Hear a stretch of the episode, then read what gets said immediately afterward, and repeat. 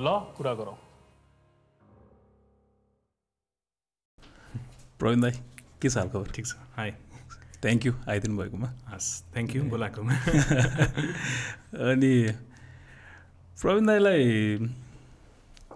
चिन्दा बुझ्दा होइन सोसियल मिडियामा फलो गर्दा एउटा अरू लयर्सहरू लिगल फिल्डमा भए मान्छेहरू मैले अलिक धेरै नै सेयरहरू गरे देख्छु कि कन्टेन्टहरू हजुर लेखेका देख्छु दाइको हतपत्त देख्दिनँ दाइले सबभन्दा धेरै पोस्ट गर्नु त छोराको फोटो हो मलाई थाहा छ होइन दाइ हामीलाई पनि रमाइलो लाग्छ हेर्न ट्विटरमा चाहिँ फेरि झन् थोरै सेयर गर्नुहुन्छ तपाईँ ट्विटरमा चाहिँ अलिअलि कुनै घटनाक्रमसँग रिलेटेड कुरालाई सठिक तरिकाले लेख्ने गर्नुहुन्छ झन् चलिरहेको मुद्दामा तपाईँले हतपत्त मैले कहिले लेखा देखाए नै छैन भन्छु के तपाईँले इन्टेन्सनली गर्नुहोस् दाइ सोसियल मिडियामा फेसबुकमा म यो गर्छु ट्विटरमा यो गर्छु अथवा म अलिक धेरै सेयर गर्दिनँ भनेर यो इन्टेन्सनल हो? यस्तो हुँदो रहेछ। जस्तै यो अब हामी एज अ लयर भइसकेपछि एउटा फ्रिडम अफ एक्सप्रेसन आफूले एक्सप्रेस गर्न पाउने कुरालाई त अन्यथा भन्न मिलेन। तर नेपालको समाजमा नि केही कुरा बोलिहाल्यो केही कुरा लेखिहाल्यो भने ए यो यसको मान्छे रहेछ ए यो यसको मान्छे रहेछ भनेर एउटा बायस्ड एटिट्युड चाहिँ सोसाइटीले जन्माउँदो रहेछ। किनकि अहिले पनि कतिपय इस्युहरू हुन्छ कन्टेम्पोरेरी इस्युमा केही झट्ट लेखिहाल्यो कि एक्सप्रेस गरिहाल्यो भने त्यसले चाहिँ आफूलाई कोही कोही प्रति ढल्केको रहेछ यो मान्छे भन्ने देखिन्छ होइन। त्यही भएर what I believe and what I support is that let's stay in के भन्छ नि त्यसलाई तटस्थ भन्छ नि तटस्थ बस् न्युट्रल न्युट्रल किन यो बायस्ड भएर मान्छेले किन आफू विरुद्ध चाहिँ ए यसको कुरा त यस्तो खालको रहेछ यो चाहिँ यो प्रति झुकेको रहेछ यो प्रति झुकेको रहेछ भन्दा बरु न्युट्रल भएर बस्दाखेरि हुन्छ। अब बाँकी रह्यो जस्तै यो ट्विटरमा कहिलेकाहीँ कन्टेम्पोररी इस्युजहरूमै पनि म के प्रिफर गर्छु भन्दा इन्डिपेन्डेन्टली बसेर बरु त्यसको केही क्रिटिकल्ली लेख्नु छ अथवा एनालाइटिकल्ली लेख्नु छ भने त्यसलाई लेख्यो। अथवा एकदमै त्यो भित्रैदेखिको कुण्ठा छ भने कहिलेकाहीँ पुग्छु पनि जस्तै अस्ति बाटो बिग्रिएको थियो अफिसको बाटो त्यो लेखेँ होइन। अनि के के अब सटाएर हान्नु पऱ्यो भने त्यो कुराहरू पनि लेखेर आउँछु। अनि अर्को मैले मलाई कसैले काहीँ कोट गरेको छ अथवा केही कुरामा मलाई क्वेसन सोधेको छ भने त्यो मेरो कन्फ्लिक्ट नपरुन्जेल चाहिँ म आन्सर गर्ने कोसिस गर्छु। As a independent legal advice अथवा एडभाइस नभनौँ ओपिनियन मागेको छ भने पनि त्यो ओपिनियन भन्दा पनि लमा यस्तो छ है भनेर देखाइदिँदालाई त्यसले मलाई केही पनि प्रब्लम गर्दैन भनेर कसैले मलाई ट्याग गराएको छ भने म रिप्लाई गर्छु। तर फेरि त्यो क्वेसनमा यदि मेरो कन्फ्लिक्ट हुने मैले रिप्रेजेन्ट गरिसकेको केस छ भने त्यसमा म खासै आन्सर गर्दिनँ। किनकि मैले त्यही कुरा कोर्टमा गएर पनि प्लिड गर्नु अनि फेरि बाहिर आएर सोसियल मिडियामा पनि त्यही कुरा प्लिड गर्नु चाहिँ आइएम अलवेज अगेन्स्ट द्याट किनकि अरू नै लयरहरूले पनि आफूले कुनै मुद्दा लिइसकेको छ भने त्यो मुद्दाको विषयमा कोर्टभित्र प्लिड गर्नुहोस् न कोर्टभित्र बहस गर्नुहोस् पैरवी गर्नुहोस्। तर त्यही मुद्दा चाहिँ फेरि बाहिर आएर पत्रकार अथवा जर्नलिस्ट अथवा जोसुकैको अगाडि आएर पनि त्यही इस्युमा बोल्नलाई चाहिँ अलिकति हाम्रो प्रोफेसनल्ली हामीले त्यो गर्न नहुने कुरा हो जस्तो लाग्छ। त्यही भएर अलिक पनि मेरो सोसियल मिडिया चाहिँ खास चाहिँ पारिवारिक कुराहरू नलेख्नु भन्छन् होइन सोसियल मिडियामा। तर I love posting videos and photos of my kid होइन। किनकि people love those kind of things well होइन? किनकि अ, यही कुरामा जस्तै मैले फोटो भिडियो पोस्ट गर्दाखेरि एउटा पार्टीमा गएँ। ओहो तपाईँ प्रशिक्षकको बाबा होइन भनेर मान्छेले भने कि। अब जे होस् त्यो अ, बच्चाकै फोटो भिडियोको कारणले गर्दा म चिनिँदो रहेछु भन्दाखेरि that's also a thing to be proud of जस्तो लाग्यो। त्यही भएर पनि म पोस्ट गर्छु। तर अ, केही समय पोस्ट गरेपछि म त्यसलाई हाइड पनि गर्छु। फेरि त्यो कन्टिन्युसली सोसियल मिडियामा चाहिँ राख्दिनँ। अनि त्यो बाटोको कुरा पनि ठ्याक्क अघि निकालिहाल्नु भयो होइन के छ त बाटोको हालत? बाटो उस्तै छ। भनौँ न अस्ति त अझ मान्छे जस्तै नयाँ मेयर हो नयाँ उहाँले त अब के रोड एम् एम्बुलेन्स जस्तो कन्सेप्ट पनि ल्याउनु भएको थियो होइन? त्यहाँ लगभग दुई हप्ता जति चाहिँ त्यो धाराको पानीको पाइप चाहिँ माथि आकाशतिर फर्किरहेको थियो कि? पानी बाटोभरि छ त्यति त मान्छेको कमन सेन्स छ न त्यहाँ पानीको ट्याङ्कर छिर्छ न अब त्यो जारै बोकेर जानलाई पनि मान्छेलाई अप्ठ्यारो छ त्यो बाटोमा। अनि त्यो धारा पनि नजोडिदिएपछि त त्यो मान्छेले कसरी पानी खायो होला भन्ने कुरा त एउटा कमन सेन्स पनि विचार गरिदिनु पर्ने थियो। पछि चाहिँ त्यहाँ समुदायले पनि विरोध गरेपछि अहिले चाहिँ त्यो पानीको धारासम्म चाहिँ जोडिदिएको छ। अझै पनि अब त्यो बाटोमा न एम्बुलेन्स छिर्छ न ठुलो गाडी छिर्छ। त्यो त ढल राख्नलाई बाटो साँगुरो छ ठिक छ बाटो अब्स्ट्रक्ट हुन्छ। तर राखिसकेपछि त्यसलाई चाहिँ एटलिस्ट मिनिमम स्ट्यान्डर्डको त बनाइदिनु पर्छ नि त्यो पनि छैन। अनि it seems that nobody is taking care of that road कि त्यो यत्तिकै व्यवहारिसै छ त्यो बाटो त धरापै छ नि। धराप छ। अस्ति म दुई हप्ता अगाडि त हो क्या हो। हजुरको अफिस आउँदाखेरि पनि म त्यो बल्ल बल्ल बल्ल छिरेको त्यहाँनिर काम भइरहेको। अहिले पनि बिचरा बच्चाहरू स्कुल जानलाई पनि त्यही बाटोमा गन्छ कसैको मोबाइल झरेर आउँछ कसैको बच्चाहरू स्कुल जान लागेको बच्चाहरू लडेर फेरि हिलो पुस्नलाई घर फर्किरहेको हुन्छ होइन? सो त्यति चाहिँ अलिकति हामीले एउटा सेन्स राख्नुपर्छ हाम्रो नेताहरूले। अब हामीले भन्दा पनि नेताहरूले राख्नुपर्छ जस्तो लाग्छ तर स्टिल इट्स सेम यो केसमा आफै लयर हुँदाखेरि पनि सफर गर्नु परिरहेछ। यसको रेजोल्युसन्सहरू खास केही छ त दाइ? हामीले चाहिँ समयमा काम हुँदैन भने त्यसरी जाउँ न हजुर। होइन? त्यहाँ मल्टिपल अरू फ्याक्टर्सहरू त आउँछ त्योसँग किनकि त्यहाँबाट त लसुटहरू हजारवटा जन्मिन सक्छ। मान्छे कोही खस्ला कोही लड्ला कसैले टाइममा एम्बुलेन्समा चढ्न नपाउला होइन? हजुर। त्यो मात्रै फोकस नगरेर मैले चाहिँ छिटो काम गराउनको लागि लिगल केही हामीले गर्नु मिल्छ काम त्यस्तो केसमा? त्यस्तो सबै कुरा फेरि गएर लमा गएर फेरि जुडिसियरीमा ठोक्यो भने त्यसले अरू इम्प्लिकेसनहरू ल्याउँछ नि त। जस्तै मैले मेरो बाटोको लागि मुद्दा लागि लिएर अदालत गएँ भने फेरि त्यहाँनिर जो न्यायको पर्खाइमा बसिरहेको थियो उनीहरूलाई त त्यसले गर्दाखेरि अझै ढिलो हुनसक्छ होइन? त्यही भएर म चाहिँ यो सबै कुरा कोर्टमा जानुपर्छ सचै सबै कुरा लिगल रेमेडी हुनुपर्छ लिगल्ली नै जानुपर्छ भन्नेतर्फ म त्यसलाई एडभोकेसी गर्दिनँ। त्यो चाहिँ हामीले सेन्सिटाइज गर्नु पऱ्यो कि त गएर उहाँहरूलाई सेन्सिटाइज गर्नु पऱ्यो इस्यु यस्तो गम्भीर छ तपाईँहरूले किन लाइटली लिइरहेको भनेर सेन्सिटाइज गर्नु पऱ्यो कि त as we are doing we should ignore it होइन? कि त हामीले वर्षौँदेखि नेपाली भएर गरिरहेको एउटा सङ्घर्ष छ नि त्यो सङ्घर्षलाई कन्टिन्यू गर्नु पऱ्यो पहिला पनि सङ्घर्ष गरेको थियो आज बिहान पनि सङ्घर्ष गरेँ अब दुई हप्ता पाँच हप्ता पाँच महिना सङ्घर्ष गर्नुपर्छ भने पनि गर्नु पऱ्यो त्यो बाहेक अरू option continues it continues and nobody is gonna utter a word होइन? उहाँहरू छिमेकमा दुईजना दुईवटा घरमा यस्तो गऱ्यो खै त ओडाले त अझै बनाएन भन्नुहुन्छ होइन? तर चार घर उतापट्टि गएको ओडामा गएर उहाँहरूले भन्न सक्नुहुन्न कि? सो हामी आफू आफू चाहिँ कुरा गर्न एकदमै त्यो खतरा खतरा लजिक लाउँछौँ। तर जहाँ गएर कुरा राख्नुपर्ने हो त्यो राख्दैनौँ। Even I am doing the same मैले अहिले यहाँनिर चाहिँ भनिरहेको छु ट्विटरमा पनि म भनिरहन्छु होइन? तर त्यहाँ गएर वडा अध्यक्षलाई म तपाईँको वडा अन्तर्गतको व्यवसाय गरिरहेको व्यक्ति हुँ। मेरो व्यवसाय चाहिँ तपाईँको कामको ढिलाइले गर्दाखेरि मेरो व्यवसायमा चाहिँ चौपट भयो। लौ न केही गरिदिनु पऱ्यो भनेर मैले त भन्न गएको छैन। सो मेरो मैले जे गरिरहेको छु एन्टायर नेपालीले त्यही गरिरहेछौँ हामी अरू सबैतिर बोल्न सक्छौँ अरू सबैतिर आफ्नो गुनासो राख्न सक्छौँ तर जहाँ राख्नुपर्ने हो त्यहाँ चाहिँ राख्न सक्दैनौँ। द्याट्स अ दाईको अफिसको वडा र मेरो अफिसको वडा एउटै हो। वडा नम्बर उन्तिस हो। हाम्रो वडाध्यक्ष सरले पनि हेरिराख्नु भयो होला सुनिराख्नु भयो होला भन्ने हजुर। एक्सपेक्ट गर्छु। दाईलाई मैले चिना चार वर्ष जस्तो हुन जस्तो लाग्छ अब चाहिँ। त्यतिखेर नेपालमा मेरो सर्च चाहिँ के थियो भन्दा आइटी लयर को छ भनेर खोज्थेँ कि मैले। किनकि स्पेसलाइजेसन नेपालमा अलिक कम नै भेटिन्छ। अनि त्यो समयमा दाइको लेखहरू भेट्या। सुरुमा खासमा। पछि पर्सनल्ली त अरू साथीभाइहरूको थ्रुबाट पनि चिनियो होइन दाइ त्यसखेर चिन्या। तर मैले तपाईँलाई त्यतिखेर चिन्दाको प्रवीण सुवेदी र मैले आजको दिनमा चिना प्रवीण सुवेदीमा चाहिँ धेरै फरक छ। मेरो मेरो बुझाइ चेन्ज भएको छ। जस्तै। अब दाइले मल्टिपल लिटिगेसन केसेसहरू जुन ह्यान्डल गर्नुभएको छ या भनौँ न कोर्पोरेट सेक्टरको कामहरू गर्नुभएको छ नि त। त्यो कारणले गर्दाखेरि चाहिँ मेरो डेफिनेसन चेन्ज भएको छ भन्नु खोजेँ मैले होइन? दाइ आफूले डिस्क्राइब गर्नु पऱ्यो आफूलाई भने कस्तो खाले लयर भनेर डिस्क्राइब गर्नुहुन्छ? नेपालको कन्टेक्समा जस्तै मेरो पनि एउटा चाहना चाहिँ एउटा स्पेसलाइज लिगल प्र्याक्टिस होस् भन्ने नै हो होइन? सबैजनाले स्पेसलाइज गर्यो भने केही केही मुद्दाहरू कुनै एउटा एउटा ग्रुप अफ लयरकोमा मात्रै नजाओस्। सबै किसिमका मुद्दा त्यहाँ नजाओस्। स्पेसलाइज लिगल प्रोफेसन होस् भन्ने हो। तर त्यो चाहिँ नेपालमा काम गर्दैन रहेछ। किनकि त्यो काम गर्नलाई मैले जे पढेर आएँ त्यसको मलाई मार्केट छैन होइन? किनकि मैले त मार्केट पाउनु पऱ्यो त्यो एक्सपर्टाइज अथवा मैले पढेर आएको कुराको बारेमा मलाई गभर्मेन्टले सोध्नु पऱ्यो त्यो पनि छैन। मलाई कुनै पनि रूपमा गभर्मेन्टले पोलिसी बनाउँदा अथवा ल बनाउँदाखेरि तिमीलाई यो कुरा थाहा छ ल आउन भनेर अहिले के एकाध वर्ष भयो बोलाउनै गरेको छन्। नभए कहिले पनि बोलाउने पनि थिएन। त्यो त्यसको मतलब के हो भन्दाखेरि मार्केटले यदि तपाईँको एक्सपर्टाइज चिन्दैन तपाईँको इन्ट्रेस्ट चिन्दैन भने तपाईँले आफ्नै आफूलाई मार्केट क्रिएट गर्नुपर्छ होइन? किनकि मैले आइटी मात्रै भनेर बसेँ भने मान्छेले चाहिँ यो त आइटी मात्रै हेर्छ अरू हेर्दैन भन्ने हुन्छ। तर त्यस्तो गरेर त मलाई त पुग्दैन किनकि मेरो त आफ्नो लिगल प्रोफेसन छ प्रोफेसन अगाडि बढाउनु पऱ्यो फेरि आइटी मात्रै आइटी एन्ड ल मात्रै मैले लिएँ भने त मार्केट त सानो छ। त्यसबाट त म ग्रोथ मेरो ग्रोथ त एकदम लिमिटेड हुन्छ।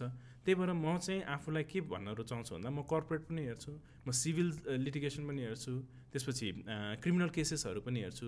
सो नेपालमा यदि कुनै स्पेसिफिक प्रोफेसनल अथवा लिगल्ली चाहिँ कोही स्पेसिफिक कुनै अलाइनमेन्ट छ भने त्यो हुनुपर्छ भन्ने मेरो पनि बुझाइ हो। तर अहिलेको कन्टेक्समा हाम्रो मार्केट हाम्रो सिनियरहरूले एक लेभलमा गरेको मोनोपोली भनौँ होइन त्यो हिसाबमा चाहिँ हामीले अहिले त्यो स्पेसिफिक प्रोफेसनल करियर अथवा एउटा मात्रै इस्यु लिएर म पक्रिन्छु भनेर भन्न नसक्ने अवस्था हुनाले म चाहिँ अहिले आफूले कुन लयर हो भन्दाखेरि I'm practising lawyer who practises everything होइन? किनकि कसैले आफ्नो पसलको सम्बन्धमा मैले पसल कहाँ रजिस्टर गरौँ भन्दाखेरि पनि I will be able to answer that अथवा हेर्नुहोस् न मेरो साथीले त मान्छे मारेको अभियोग लाग्यो के गरौँ? भन्दाखेरि पनि I am I can be lawyer for them होइन? अथवा करप्सनको केस होस् जुनसुकै केसमा आई क्यान हेल्प देम भन्ने जस्तो I am practising lawyer who practise law त्यसको लागि I do not have any म चाहिँ यही डेफिनेट मात्र प्र्याक्टिस गर्छु भन्ने छैन। मोटामोटी त्यो त मेजोरिटी हाम्रो आई थिङ्क नेपाली फर्टर्निटीको त्यही नै हो होइन हजुर त्यही त्यही हो। कोही कोही हुनुहुन्छ जसले चाहिँ अब सिभिल सुट आयो भने यो सिभिल सुट चाहिँ म हेर्दिनँ नि सिभिल केस मलाई थाहा छैन मलाई छैन फलानकोमा जानुहोस् भन्ने जस्तो छ। तर त्यो भनेको एकदमै थोरै। त्यो भनेको एकदमै थोरै। त्यो कल्चर हामीले इस्टाब्लिस गर्न सकेका छैनौँ। तथापि मेरो पनि लाइन अफ थट चाहिँ के हो त भन्दा त्यो कल्चर हामीले इस्टाब्लिस गर्न सक्नुपर्छ। तर त्यो हाम्रो लिगल फेटर्निटीले नै त्यो कल्चर इस्टाब्लिस हुन दिएकै छैन। किनकि सबै थोकमा मै म सक्छु बरु यसमा फलानु पनि इन्ट्रेस्टेड हुनुहुन्छ। उहाँलाई पनि इन्ट्रेस्टको एरिया रिसर्च गर्नुभएको छ। उहाँलाई पनि राखौँ न भनेर रिफर गर्नुहुन्छ। तर म चाहिँ यो इन्टायरली गर्दिनँ है। फलानुकोमा मात्रै जानुहोस् भन्ने चाहिँ नेपालमा त्यो कल्चर चाहिँ छैन। लिगलमा नि मोनोपोली छ भन्दाखेरि अचम्म लाग्छ होला मान्छेहरूलाई सुन्दाखेरि फेरि होइन? लाग्छ तर फ्याक्ट इज फ्याक्ट किनकि छ। त्यही भने। हजुर। दाइलाई दाइ भाउजू पनि लिगल फिल्डमा होइन? दाइ पनि लिगल फिल्डमा हजुर। घरमा को प्लिडर को न्यायाधीश? घरमा त्यस्तो सिचुएसन अझ मेरो त ड्याड पनि न्यायाधीश हो रिटायर्ड सो घरमा हाम्रो लिगल गफहरू त हुन्छ होइन? त्यही भएर छोराले पनि अहिले चाहिँ ल्यापटप चलाइरहेको छ भन्दा मुद्दा लेखिरह भनेर सोधिदिन्छ होइन? सो इन्भाइरोमेन्ट चाहिँ अलिकति लिगल त्यो किनकि ब्रटअपै त्यसरी भयो सबै थोक भयो। त्यही भएर घरमा लिगल फ्रेग्रेन्स चाहिँ आउँछ बास्ना चाहिँ आउँछ। तर त्यो प्लिड हुने त्यस्तो त्यस्तो त्यस्तो सिचुएसन चाहिँ अहिलेसम्म आएको छैन। ओके सो आई थिङ्क ल प्रतीक दाईको अट्र्याक्सन बुवाबाटै सुरु भयो त दाइ के छ ब्याक स्टोरी हजुरको? चाहिँ किन यो लमा आइपुग्नु भयो किन ल पढ्नु भयो लयर बन्ने हजुर। जोस कसरी चढ्यो दाइलाई जोस त चढेकै होइन। बुवाले त मलाई म सात पुस्तालाई न्यायाधीश यो लिगल फिल्डमा ल्याउँदिनँ भन्ने नै थियो बुवाको चाहिँ किनकि आफै यो फिल्डमा भएका सिचुएसनहरू त्यहाँनिर भएको आफूले गर्नु परेको दुःख सबै भोगेर यो ल चाहिँ म पढाउँदिनँ सात पुस्तालाई भन्छन्थ्यो होइन? तर मैले म ग्यालेक्सीबाट एसएलसी दिएँ अनि एसएलसी दिएपछि मेरो दाइ र दिदी चाहिँ एकदम ब्राइट स्टुडेन्ट म चाहिँ एभरेज स्टुडेन्ट त्यही पनि फर्स्ट टु सेक्सन्समै हुन्थेँ ए वान ए टूमै। त्यसपछि एसएलसी सिद्धियो अनि प्लस टू त अब साइन्सै गराउनुहुन्थ्यो। फेरि म्यानेजमेन्ट गऱ्यो अरू आर्ट्स गऱ्यो भने त यसले यसको पढ्ने बानी बिग्रिन्छ। त्यही भएर यो बिग्रिन्छ भनेर घरबाट पनि यसलाई साइन्सै पढाउनु पर्छ भन् भन्ने कुरा भयो। त्यसपछि मलाई त इन्ट्रेस्ट थिएन साइन्समा होइन। अनि त्यसपछि साइन्स पढियो साइन्स एसओएसमा पढेँ मैले। त्यसपछि अब के गर्ने त भन्दा इन्जिनियरिङ हो। मेडिकल त मलाई इन्ट्रेस्टै छैन। त्यो मान्छे त्यो बायोलोजी इलेभेन हो कि टुवेल्भमा पढ्दाखेरि त्यो भ्यागुता काट्दाखेरिको फर्मेलिन गनाएको बास त्यो गन्धले त म एकदम पीडित भइसकेको थिएँ। त्यही भएर मैले इन्जिनियरिङको इन्ट्रान्स प्रिपरेसन पनि गरेँ गइदिएँ होइन। अब त्यो फेरि म चाहिँ म्याथमेटिक्समा कस्तो विद्यार्थी भन्दाखेरि त्यो युनिटरी मेथड पनि कण्ठ पारिदिने। त्यो मलाई त्यो कहाँ लजिक हो कसरी हुन्छ भन्ने कुरो। अहिले पनि हिसाबलाई त्यागेर निसाफतिर आएको हुँ होइन? त्यही भएर मलाई त्यो म्याथमेटिक्स अप्सन म्याथमेटिक्स एकदमै दिक्क लाग्थ्यो। म त्यो भेक्टरहरू पनि रटिदिन्थेँ होइन? त्यो थाहा थिएन होइन क्लियरली भन्दाखेरि। अनि त्यसपछि इन्ट्रान्स प्रिपरेसन गरेँ अनि इन्ट्रान्स प्रिपरेसन गरेपछि ओहो यो इन्जिनियर पढ्दाखेरि यत्रो छ नि इन्ट्रान्स प्रिपरेसनमा त्यो प्रिपरेसन गर्ने ठाउँमै तिन सयजना थिए एउटा इन्स्टिट्युटमा यो इन्जिनियरहरू बाहिर निस्केर मार्केटमा कहिले कहाँ पुग्नु के हुने भनेर त्यहाँ मलाई एउटा लेभलको फ्रस्ट्रेसन हुन थाल्यो। त्यसपछि मैले इन्जिनियरिङतिर ओहो यो त नगरौँ होला जस्तो लाग्यो। अनि म एक्कासी के लाग्यो भन्दा फार्मेसी पढ्नु पऱ्यो यो फार्मेसी चाहिँ नयाँ सब्जेक्ट छ फार्मेसीमा राम्रो हुन्छ जस्तो लाग्यो भनेर म केयुमा गएँ। केयुमा जाँदाखेरि केयुमा चाहिँ फार्मेसीको एन्ट्रान्स पनि भयो मेरो इन्टरभ्यूमा चाहिँ के भन्यो त भन्दा तपाईँले त टुवेल्भमा बायोलोजी लिनुभएको रहेछ त्यही भएर फार्मेसी पढ्न तपाईँले पाउनुहुन्न भन्यो। अनि त्यो हो भने त एडमिसनमै क्राइटेरियामै राखिदिएको हुन्थ्यो नि त टुवेल्भमा पनि बायोलोजी लिनुपर्ने भन्ने कुरा। उहाँहरूले राखिदिनु भएन। त्यसपछि ल यो त भएन भनेर अनि यसो पत्रिका हेर्दाखेरि लको एडमिसन खुलेछ अनि मम्मीले कि लमा जान्छस् त भनेर भन्छ। उता इन्जिनियरिङको पनि छ है। इन्जिनियरिङमा चाहिँ त्यतिखेर चाहिँ फेरि इलेक्ट्रोनिक इन्जिनियर इलेक्ट्रिक इन्जिनियरलाई चाहिँ एकदमै हाई डिमान्ड एन्ट्रान्स एकदमै कम्पिटेटिभ हुन्थ्यो। सिभिलमा त कस्तो नाम ननिकालिएन त्यसपछि पुलसुल बनाउला बाटोसाटो बनाउला भनेर एउटा कर्नर अफ माइन्ड चाहिँ इन्जिनियर पढ्छु भन्ने थियो। त्यसपछि किएसएल गएँ एन्ट्रान्स प्रि प्रिपरेसन इन्ट्रान्स भन्नाले त्यतिखेर चाहिँ ओरिएन्टेसन एन्ड इन्ट्रान्स भनेर तिन दिनको हुन्थ्यो। अनि त्यहाँनिर दुईजना हुनुहुन्थ्यो युवराज सर र साधना म्याम हुनुहुन्थ्यो। उहाँहरूले लिएको उहाँहरूले लिएको क्लासहरू हेरेपछि चाहिँ ओहो यो संसारमा त म जन्मेकै ल पढ्न रहेछ। ल बाहेक मेरो स विषय छैन। डेस्टिनी डेस्टिनी नै मेरो ल रहेछ नि। बल्ल पो थाहा भयो त ढिलो आयो र भन्ने लाग्यो। त्यसपछि थर्ड डे अफ केएसएलको एन्ट्रान्स र यता पुल्चोक इन्जिनियरिङ कलेजको चाहिँ एन्ट्रान्स जुध्यो उता थर्ड डे यता अब कहाँ जाने? आफूलाई उता डेस्टिनी हो भन्ने थाहा भइसक्यो। अब यताको इन्ट्रान्स छोडिदिन्छु भनेर मैले छोडिदिएर केएसएलमा इन्ट्रान्स दिएँ। त्यसपछि अनि मेरो लिगल करियर चाहिँ त्यहाँबाट लिगल लाइफै भनौँ न त्यताबाट सुरु भयो। सो एकदम त्यो फोकस्ड म ल नै पढ्छु भनेर जस्तै अहिले कतिजना मान्छेहरू चाहिँ सिक्स सेभेन पढ्दैदेखि म लयर हुन्छु म चाहिँ ल पढ्छु म म एकदम खतरा लयर हुने हो भन्ने थियो। मलाई त्यस्तो केही पनि थिएन। म त्यहाँ गएँ त्यहाँ गएपछि एन्ट्रान्सबाटै म प्रभावित भएर यो रहेछ मेरो ठाउँ भन्ने चाहिँ मलाई लाग्यो। नर्वे पनि पुग्नु भयो होइन त? मास्टर्स गर्न? मैले यता ब्याचलर सिद्धाएँ अनि त्यसपछि म मास्टर्स गर्न नर्वे गएँ। अनि नर्वे गइसकेका मान्छेलाई सोधौँ नि त। हजुर। फर्केर आउँदा चाहिँ अब रिग्रेट छ कि छैन त? युरोप छोडेर आउँदाको। युरोप छोडेर आउँदाखेरि कहिले पनि रिग्रेट भएन। एक टाइम रिग्रेट भयो। त्यो भनेको कोभिडको बेलामा जतिखेर नेपालीहरू चाहिँ अक्सिजनको लागि सङ्घर्ष गरिरहेको थिए। अक्सिजन जुन चाहिँ वातावरणमा सजिलै पाउने चिज हो नि होइन। अक्सिजनको लागि कसैलाई पहुँच ल्याउनु प पहुँच हुनुपर्ने रे कोही मान्छे चिनेको हुनुपर्ने रे हस्पिटलमा त्यसपछि त्यसको लागि सङ्घर्ष हुँदाखेरिको सिचुएसन मेरो फ्यामिलीले त्यो फेस गर्नु परेन होइन? अक्सिजनैकै लागि चाहिँ फेस गर्नु परेन। तर पनि अक्सिजनको लागि मान्छे सङ्घर्ष गर्दाखेरि चाहिँ ओहो यस्तो देश जहाँ फ्रिली पाउने अक्सिजनकै लागि हामीले सङ्घर्ष गर्नुपर्छ मान्छे चिन्नुपर्छ यो देशमा किन फर्केर आयो होला? जस्तो चाहिँ मलाई त्यो सिचु त्यो टाइममा लागेको थियो। त्यसपछि न अघि न पछि न अहिले मलाई त्यो रिग्रेट चाहिँ छैन। त्यो त्यो ट्याक्कै त्यो फिलिङ्स आयो कन गर्दै मलाई मेरो वाइफ पनि प्रेग्नेन्ट थियो हजुर। यो कोभिडको समयमा। अनि आई थिङ्क त्यो फर्स्ट ट्राइमेस्टरको बेला चाहिँ अलिक धेरै दिमाग घुमिरहेको थियो। लकडाउन घरमा धेरै बसिरहेको छ फेरि त्यही त भने होइन।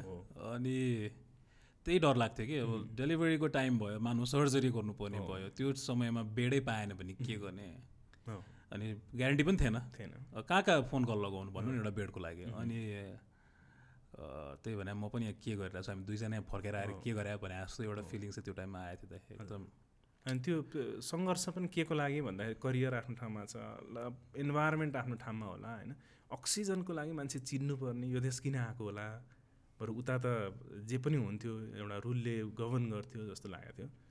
त्यो त्यो टाइममा तर त्यसपछि त्यो त्यो एपिसोड्सहरू त आउँछ जान्छ फेरि बिहान उठिन्छ अनि फेरि ब्याक टु यस होइन? ब्याक टु द ग्राइन्ड भनौँ न। दाइ केएसएल पढ्नु भयो होइन? अहिले केएसएलमा पढाउनुहुन्छ? पढाउँछु। है त के रमाइलो जिन्दगी छ जहाँ पढ्यो त्यहीँ पढाउँदै KSL one of the most progressing law school हो मोस्ट डेफिनेटली हजुर होइन त्यो कुरामा चाहिँ त्यो टाइमको केएसएल र अहिलेको केएसएलमा दाइ के देख्नुहुन्छ भिन्नता दाइ त्यो टाइममा इट वाज स्टिल ग्रोइङ होइन किनकि त्यो अब त्यतिखेरको सिचुएसनमा किड थियो भनौँ न एउटा बच्चा थियो केएसएल अहिले इट्स एडल्ट होइन? अहिले ठुलो वयस्क भइसक्यो तेइस वर्ष त पुरा भइसक्यो। सो त्यतिखेर वर्क इन प्रोग्रेस थियो होला। अहिले work it's it's already made तथापि अहिले पनि बन्दैछ। अझ अहिले पनि केएसएल चाहिँ ग्रो ग्रो गरिरहेछ। अहिले पनि भवनहरू बढिरहेछन् आउटरिच क्याम्पसहरू बनिरहेछ। त्यतिखेर it we were a small family किनकि म एज अ स्टुडेन्ट म एक्लै बसेँ फ्यामिलीभन्दा टाढा भएर बसेँ। र म काठमाडौँ स्कुल अफ लमा लगभग बिहानदेखि बेलुकैसम्म हुन्थेँ र मैले सेकेन्ड इयरदेखि त्यहीँ जब पनि गर्न थालेँ एज अ इन्टर्न होइन। अनि त्यसपछि म त्यहाँको म्यानेजमेन्टसँग त्यहाँको टिचरहरूसँग एकदमै घुलमिल भएर like a family I past my five years है। अहिले त्यहाँ जाँदाखेरि I feel myself as a guardian किनकि त्यहाँनिर स्टुडेन्टहरू छन् त्यहाँनिर अरू भाइ बहिनीहरू छन्। सो दे आक्स के गर्ने कसो गर्ने कसरी करियर अगाडि बढाउने? भन्ने कुरा। सो आफ्नो रोल आफ्नो आइडेन्टिटी फरक भए पनि that is a home for me होइन? त्यहाँ जाँदाखेरि आफूलाई छुट्टै एउटा फिलिङ आउँछ क्या किनकि त्यो ठाउँबाट मैले ग्रेजुएट भएँ मैले करियर बनाएँ मैले सोच्दै नसोचेको करियर बनाएँ होइन? So that made me happy किनकि म अरू फिल्डमा गएको भए म के थाहा? म फ्रस्ट्रेट हुन्थेँ होला म कहाँ जान्थेँ होला विदेश जान्थेँ होला तर त्यही इन्स्टिट्युसनले मलाई बनायो र यो सर्कल चिनायो। इभन तपाईँलाई पनि यही त्यही त्यही कलेजकै लिङ्कबाट चिनियो so they something to feel myself proud of that institution the केएसएलमा पढाइराख्नु भएको छ। हजुर। फुल टाइम प्र्याक्टिसिङ लयर पनि हो। हजुर। सुपर फुल टाइम भन्छु हजुर म। तपाईँ तपाईँ जति बिजी हुनुहुन्छ। होइन? Which is a good thing obviously होइन? सबैजना यति नै बिजी हुन पाउन् होइन? यो प्यारलली कसरी लान सकिन्छ त? यो एकाडेमिसियन पनि एक हिसाबले होइन? अनि फेरि यतापट्टि प्र्याक्टिस गर्नु छ। किनकि practising side is more dynamic भन्छु म चाहिँ होइन? किनकि कहिले कुन साइडको केस लडिराख्नु परिरहेको हुन्छ कहिले चाहिँ कहिले कहिले चाहिँ कन्ट्राडिक्टिङ अर्को साइड बाट लडिराख्नु पर्ने हुन्छ। वेयर एज एकाडेमिक्स भनेको त अलिकति हामी करिकुलमभित्र रहेर स्ट्रेट फरवर्ड कुराहरू धेरै हुन्छौँ। कसरी लानुहुन्छ त तपाईँले प्यारलली यसलाई चाहिँ? यसलाई चाहिँ म के भन्छु कुनै कुनै देशमा चाहिँ एकाडेमिकमा लागेको मान्छेले प्र्याक्टिस गर्नु पाइँदैन प्र्याक्टिसमा लागेको मान्छे एकाडेमिक्समा हुनु पाइँदैन। तर हाम्रो जुन सिस्टम छ द्याट इज भेरी नाइस किन भन्दा यो दुइटा पार्टले एकअर्कालाई कम्प्लिमेन्ट गर्छ। किनकि मैले कलेजमा अथवा ल स्कुलमा पढाइरहँदाखेरि मैले आफूले गरेको केसको रिफरेन्स दिन पाएँ भने त्यो के हुन्छ त भन्दा एकदम प्र्याक्टिकल अप्रोच अफ लर्निङ हुन्छ कि। मैले ल फर इक्जाम्पल म ब्याङ्किङ ल पढाउँछु। ब्याङ्किङ लमा लोन रिकभरीको कुराहरू पढाइरहेको हुन्छु। त्यहाँनिर लजको कुराहरू प्रिन्सिपलको कुराहरू मात्रै पढाएँ भने त्यो मोनोटोनस हुन्छ स्टुडेन्टले त्यसलाई क्याच गर्नु पनि गाह्रो हुन्छ। तर मैले प्र्याक्टिस जे कुरा प्र्याक्टिस गरिरहेको छु त्यो कुराहरूलाई ल्याएँ भने उनीहरूलाई त्यो ललाई बुझ्नलाई पनि सजिलो हुन्छ। सो एउटा क्लास लाइभली हुन्छ। अर्को अन्डरस्ट्यान्डिङ लाइभली हुन्छ र त्यहाँ प्र्याक्टिकल अप्रोच अफ टिचिङ पनि हुन्छ।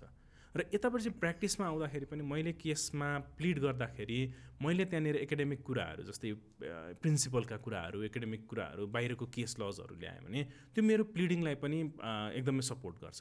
र प्लिडिङ गर्दाखेरि पनि एकाडेमिकली मैले पढाउँदाखेरि जुन एफोर्ट गर्छु त्यसले मेरो प्लिडिङलाई गार्निस पनि गर्छु म अपडेटेड पनि हुन्छु।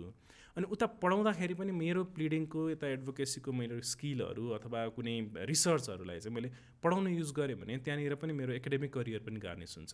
सो यो दुइटा सकेसम्म सकेसम्म र भ्याएसम्म चाहिँ सबैले एकाडेमिक्स र लिगल प्र्याक्टिसलाई अगाडि लग्यो सँगैसँगै प्यारलली लग्यो भने त्यसमा एकदमै पोजिटिभ रिजल्ट आउँछ एन्टायर लिगल फ्याटर्निटी अथवा लिगल स्टुडेन्ट ल स्टुडेन्टहरूलाई पनि। एउटा मैले आफूले भोगेको एउटा च्यालेन्ज चाहिँ के छ भन्दा कहिलेकाहीँ लिगल प्र्याक्टिस गर्दाखेरि कहिले बाहिर गइदिनुपर्छ होइन? बाहिर जाँदाखेरि अब मुद्दा हुन्छ बाहिर जानु पऱ्यो कहिले बिहानै मिटिङ हुन्छ क्लाइन्टसँग कहिले के हुन्छ? त्यसले गर्दाखेरि टाइमिङ चाहिँ अलिकति अप्ठ्यारो हुनसक्छ। कहिलेकाहीँ अब क्लास चाहिँ दस बजीदेखि बाह्र बजीसम्म भयो भने मेरो यता मुद्दा छुट्न सक्ने सिचुएसन हुनसक्छ।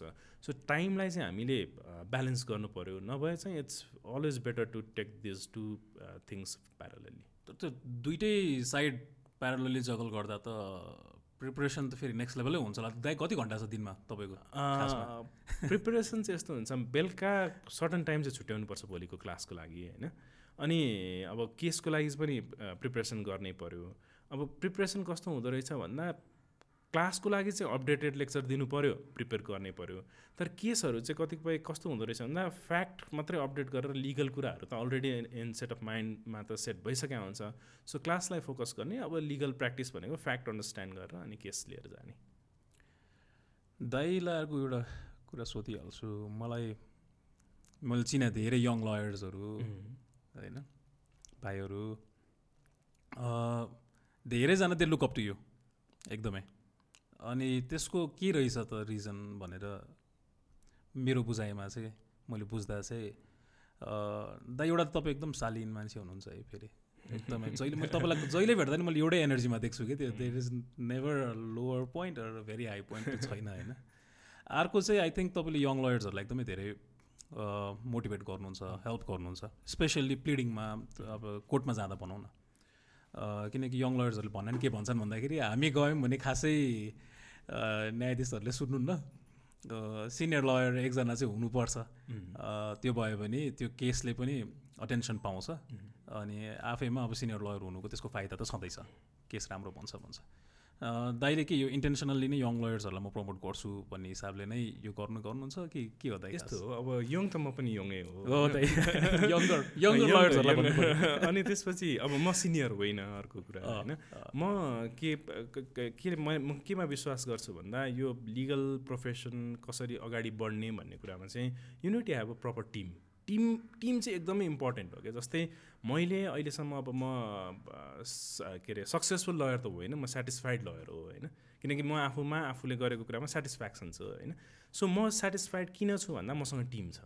किनकि मसँग भएको मेरो ल फर्ममा भएको टिमले गर्दाखेरि नै म मलाई सेटिस्फ्याक्सन आएको हो। र जहाँसम्म अरू लयरहरू जसले मलाई अप्रोच गर्छ कसैले दाई भनेर गर्ला कसैले सर भनेर गर्ला होइन? यो हेरिदिनु पऱ्यो भनेपछि म आफ्नो सिचुएसनमा आफूलाई लान्छु कि म त्यतिखेर स्ट्रगल गर्दाखेरि मेरो हेरिदिने कोही थियो कि थिएन।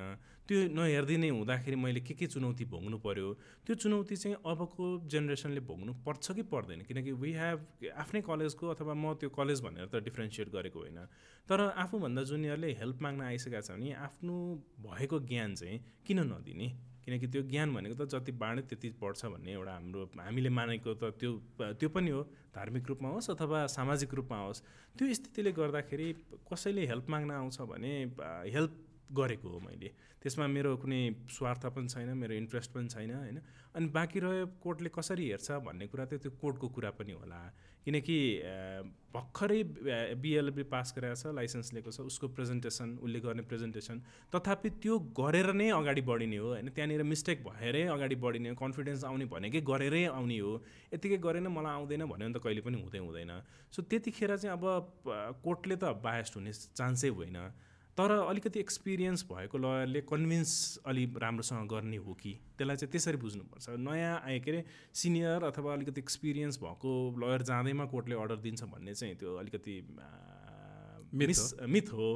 त्यसलाई चाहिँ हामी कसरी लियौँ भन्दा अलिकति एक्सपिरियन्स भएकोले बेन्चलाई राम्रोसँग गाइड गर्छ भन्ने हिसाबमा राम्रोसँग कन्भिन्स गर्न सक्छ। किनकि that is obvious as well भर्खरै ग्रेजुएट भएको स्टुडेन्टले गएर कन्फिडेन्टली बोल्न सक्छ भन्ने एक दुईजना एक्सेप्सन बाहेक अरूले गर्न सक्छन् भनेर त हामी नै पनि सक्दैन थियौँ होइन? कसै कसैले पनि सक्दैन हामी पनि नर्भस हुन्थ्यौँ हामी पनि ब्ल्याङ्क ब्ल्याकआउट हुन्थ्यौँ होइन? बोल्दा बोल्दा केही पनि हुँदैन थियो। सो इट्स अभियस इन्क्युबेसनमा ग्याप छ होइन त? बेसिकली मैले चाहिँ आई थिङ्क कलेजेसहरूबाट निस्किसकेपछिको समय भनौँ किनकि कलेजेसहरूले चाहिँ धेरै राम्रो गरेको छ। आजकल त मुड कोर्टदेखि लिएर यताउताले गर्दाखेरि अलिक प्रिपेयर्ड भएरै निक्लिन्छन् ग्रेजुएट हुँदा नै। अ, तर त्यसपछिको इन्क्युबेसनमा चाहिँ मैले ग्याप नै छ कि जस्तो लाग्छ कहिले काहीँ चाहिँ किनकि अ, कि त डिरेक्टली ल फर्ममा जानु पऱ्यो त्यहाँबाट काम सिक्नु पऱ्यो होइन? नभए अरू कुनै एन्टिटीहरूले इन्क्युबेट गर्नलाई चाहिँ खासै धेरै इन्ट्रेस्ट छैन। अब यो गभर्मेन्ट साइडबाट पनि छैन। I don't think private side yeah non profit साइडबाट पनि छ जस्तो चाहिँ लाग्छ त्यहाँनिर चाहिँ दुई तिनवटा फ्याक्टरहरूले रोल प्ले गर्छ। जस्तै मैले मैले ग्रेजुएट भएको डे वानदेखि नै म प्र्याक्टिसमै छु। मैले सुरुमा प्रो पब्लिकमा एनजिओमा काम गरेँ त्यतिखेर पनि पिआइएलहरू लिएर सुप्रिम कोर्टमा जान्थेँ। अनि त्यसपछि म एउटा कर्पोरेट ल फर्ममा गएँ त्यहाँबाट पनि म कोर्ट प्र्याक्टिसै गर्थेँ अनि आफ्नै सुरु गरेँ। यहाँनिर प्रब्लम के हुँदो रहेछ भन्दा हामीले कलेजमा पढ्दाखेरि निश्चित केही ढाँचाहरू निश्चित केही एप्लिकेसनहरू हामी ड्राफ्ट गर्छौँ अनि त्यसमा हामी मार्क्स ल्याउँछौँ त्यसैलाई इभ्यालुएट हुन्छ। तर हाम्रो डे वानमा त हामी पुनरावेदन पनि लेख्दैनौँ हामी त्यो बस नोट पनि लेख्दैनौँ। डे वानमा हामी के गर्छौँ त भन्दा एज अ क्लाइन्टलाई सपोर्ट गर्नुहोस् अथवा ल फर्मले खटाएर जाओस्। हामी त्यहाँ फिराद दर्ता गर्न जान्छौँ। त्यो फिराद दर्ता गर्न जाँदाको दिनदेखि हामीलाई हाम्रो जुडिसियरीमा भएका स्टाफहरूले अथवा हाम्रै लिगल फ्याटर्निटीमा भएका लयरहरूले हेर्ने दृष्टिकोण पनि अलिकति बदल्न आवश्यक छ। यति पनि आउँदैन यति पनि सिकिएन पाँच वर्ष पढ्दा लाइसेन्स कसरी पाइयो जस्ता शब्दहरू मैले आफैले पनि त्यो सुन्नु परेको थियो कि? अब त्यसैलाई हामीले फ्रस्ट्रेसन भयो अब यस्तो गर्दो रहेछ हामी पाँच वर्ष पढेको मान्छेलाई पनि यस्तो हेप्दो रहेछ भनेर छोडिदिउँ भने त हामीले केही पनि गर्न सक्दैनौँ। तर होइन लाइसेन्स यसरी नै आयो भन्दा होइन यो त थिएन नि त जाँचमा। निवेदन लेख्ने त्यहाँनिर अब फिर्याद दर्ता गर्नको लागि के हुन्छ भन्दा ब्ल्याक लिस्टमा छ कि छैन अथवा कुनै बिगो बाँकी छ कि छैन लगेर रुजु गराउनुपर्छ। अब त्यो कुरा चाहिँ हामीलाई सिकाइँदैन होइन? हामीलाई त्यो प्रोसिड्युरली हामीलाई त्यो सिकाइँदैन। त्यो गर्दाखेरि त्यसैमा हामी हेप्पी नै होइन नि त। हाम्रो क्वालिटी भनेको त अर्थकमै छ भने त्यो क्वालिटी आउन्जेलसम्म पख न त्यसपछि म देखाउँछु भन्ने हिसाबमा आफूले अलिकति इगो पनि राख्नुपर्ने रहेछ। पेसेन्स इज द कि होइन किनकि कसैले केही गाली गर्यो भन्नेमा माथि बेन्चबाट गाली आउन सक्छ जुडिसियल क्लर्कहरूबाट आउन सक्छ हाकिमबाट आउन सक्छ। त्यो गाली सुन्नुपर्छ भन्नेमा होइन बरु त्यसलाई हाँसेर चाहिँ बरु यो मेरो डेस्टिनी त्यहाँ छ म त्यहाँ जान्छु जसरी भए पनि जान्छु भन्नुपर्छ। अब इन्क्युबेसनको सम्बन्धमा चाहिँ द्याट इज अ फ्याक्ट त्यो चाहिँ हामीले एउटा बिटर ट्रुथको रूपमा पनि लिनुपर्छ। किनकि त्यो लिगल प्र्याक्टिस नेपालमा मात्रै होइन। मैले यसो बुझ्दाखेरि सबैतिर त इन्क्युबेसनको प्रब्लम छ। किनकि हामीले पढ्दाखेरि र प्र्याक्टिसमा हुने कुरा चाहिँ आकाश जमिनको फरक छ। बरु एउटा केस हामीले डिस्ट्रिक्ट कोर्टदेखि सुप्रिम कोर्टसम्म लिएर गयौँ त्यो केसले हामीलाई धेरै कुरा सिकाउँछ। तर दस वर्ष ल स्कुलमा दसैँ वर्ष पढ्यो भने पनि त्यो सिकाउँदैन होइन? सो त्यो रियल वर्ल्ड र बुक वर्ल्ड भनेको त फरक हुन्छ। त्यो त इन्टायरली फरक हुन्छ। सो इन्क्युबेसनमा चाहिँ हामीले एटलिस्ट ट्रेनिङ दियौँ अथवा त्यसलाई एप्रेन्टिसको रूपमा साँच्चै नै इन्टर्नसिप पनि जेन्युन इन्टर्नसिप किनकि अहिलेको इन्टर्नसिप भनेको जुनसुकै ल कलेजमा गएको छ छैन केही पनि थाहा छैन। अनि इन्टर्नलाई हाम्रो के अरे ब्युरोक्रेट्सहरूले पनि कुन नजरले हेर्छन् भन्ने पनि कुरा हुन्छ। त्यसमा पनि के हुँदो रहेछ भन्दा कुनै कुनै मैले ब्युरोक्रेट्सहरू ब्युरोक्रेट्सको पनि छोराछोरी त ल पढ्न थालिसकेँ होइन। त्यही अदालतको कर्मचारीहरूको पनि। छोराछोरी ल पढेको छ भने अर्कै हिसाबले हेर्ने ए भोलिको दिनमा मेरो छोरा मेरो छोरी पनि यसरी आउँछ है मैले सिकाउनु पर्छ है भन्ने। होइन भने त्यहाँनिर हेर्ने नजरिया हुन्छ नि त्यो पनि अलिकति फरक हुँदो रहेछ। अब त्यसमा फेरि उहाँहरूको पनि आफ्नै लिमिटेसन छ किनकि त्यहाँ कन्फिडेन्सियल इन्फर्मेसन हुन्छ त्यो मिसिल हराउला फेरि आफूले जिम्मेवारी लिनुपर्छ सबै एक्सेस दिएर पनि भएन होइन। सो एभ्रिबडी ह्याज लिमिटेसन होइन। त्यो लिमिटेसनलाई चाहिँ हामीले कसरी कोरेन्स गर्ने भन्ने चाहिँ हामीले त्यो चाहिँ अब पोलिसी लेभलमा होस् अथवा एकाडेमिकल्ली होस् त्यो हामीले हेर्नु आवश्यक छ। दाइ अनि यो पहिलो केस चाहिँ कस्तो तपाईँको? मुद्दा पहिलो मुद्दा लड्दाको भनौँ न। पहिलो मुद्दा फेरि मेरो अलिकति यो इन्ट्रेस्टिङ स्टोरी पनि छ। जस्तै मैले टु थाउजन्ड सिक्सटी थ्रीमा ल स्कुल जोइन गरेँ मैले टु थाउजन्ड सिक्सटी फोरमा सेकेन्ड इयरमा हुँदाखेरि एउटा न्युज देखेँ। त्यतिखेर म चाइल्ड राइट सेन्टर भन्ने कलेजकै एउटा सेन्टरमा काम गर्थेँ। अनि त्यहाँ चाहिँ बाँकेमा तिनजना बच्चाहरूलाई एडल्टको जुन प्रिजन हुन्छ त्यहाँ राखेर रहेछ। अनि त्यसपछि यो त इलिगल डिटेन्सन भयो भनेर हेभियस कर्पस हाल्नुपर्छ भनेर म सेकेन्ड इयरमा हुँदाखेरि मैले आफै ड्राफ्ट गरेँ र टिचरहरूको सपोर्टमा मैले ड्राफ्ट गरेँ र मेरै नामबाट दर्ता गराएँ।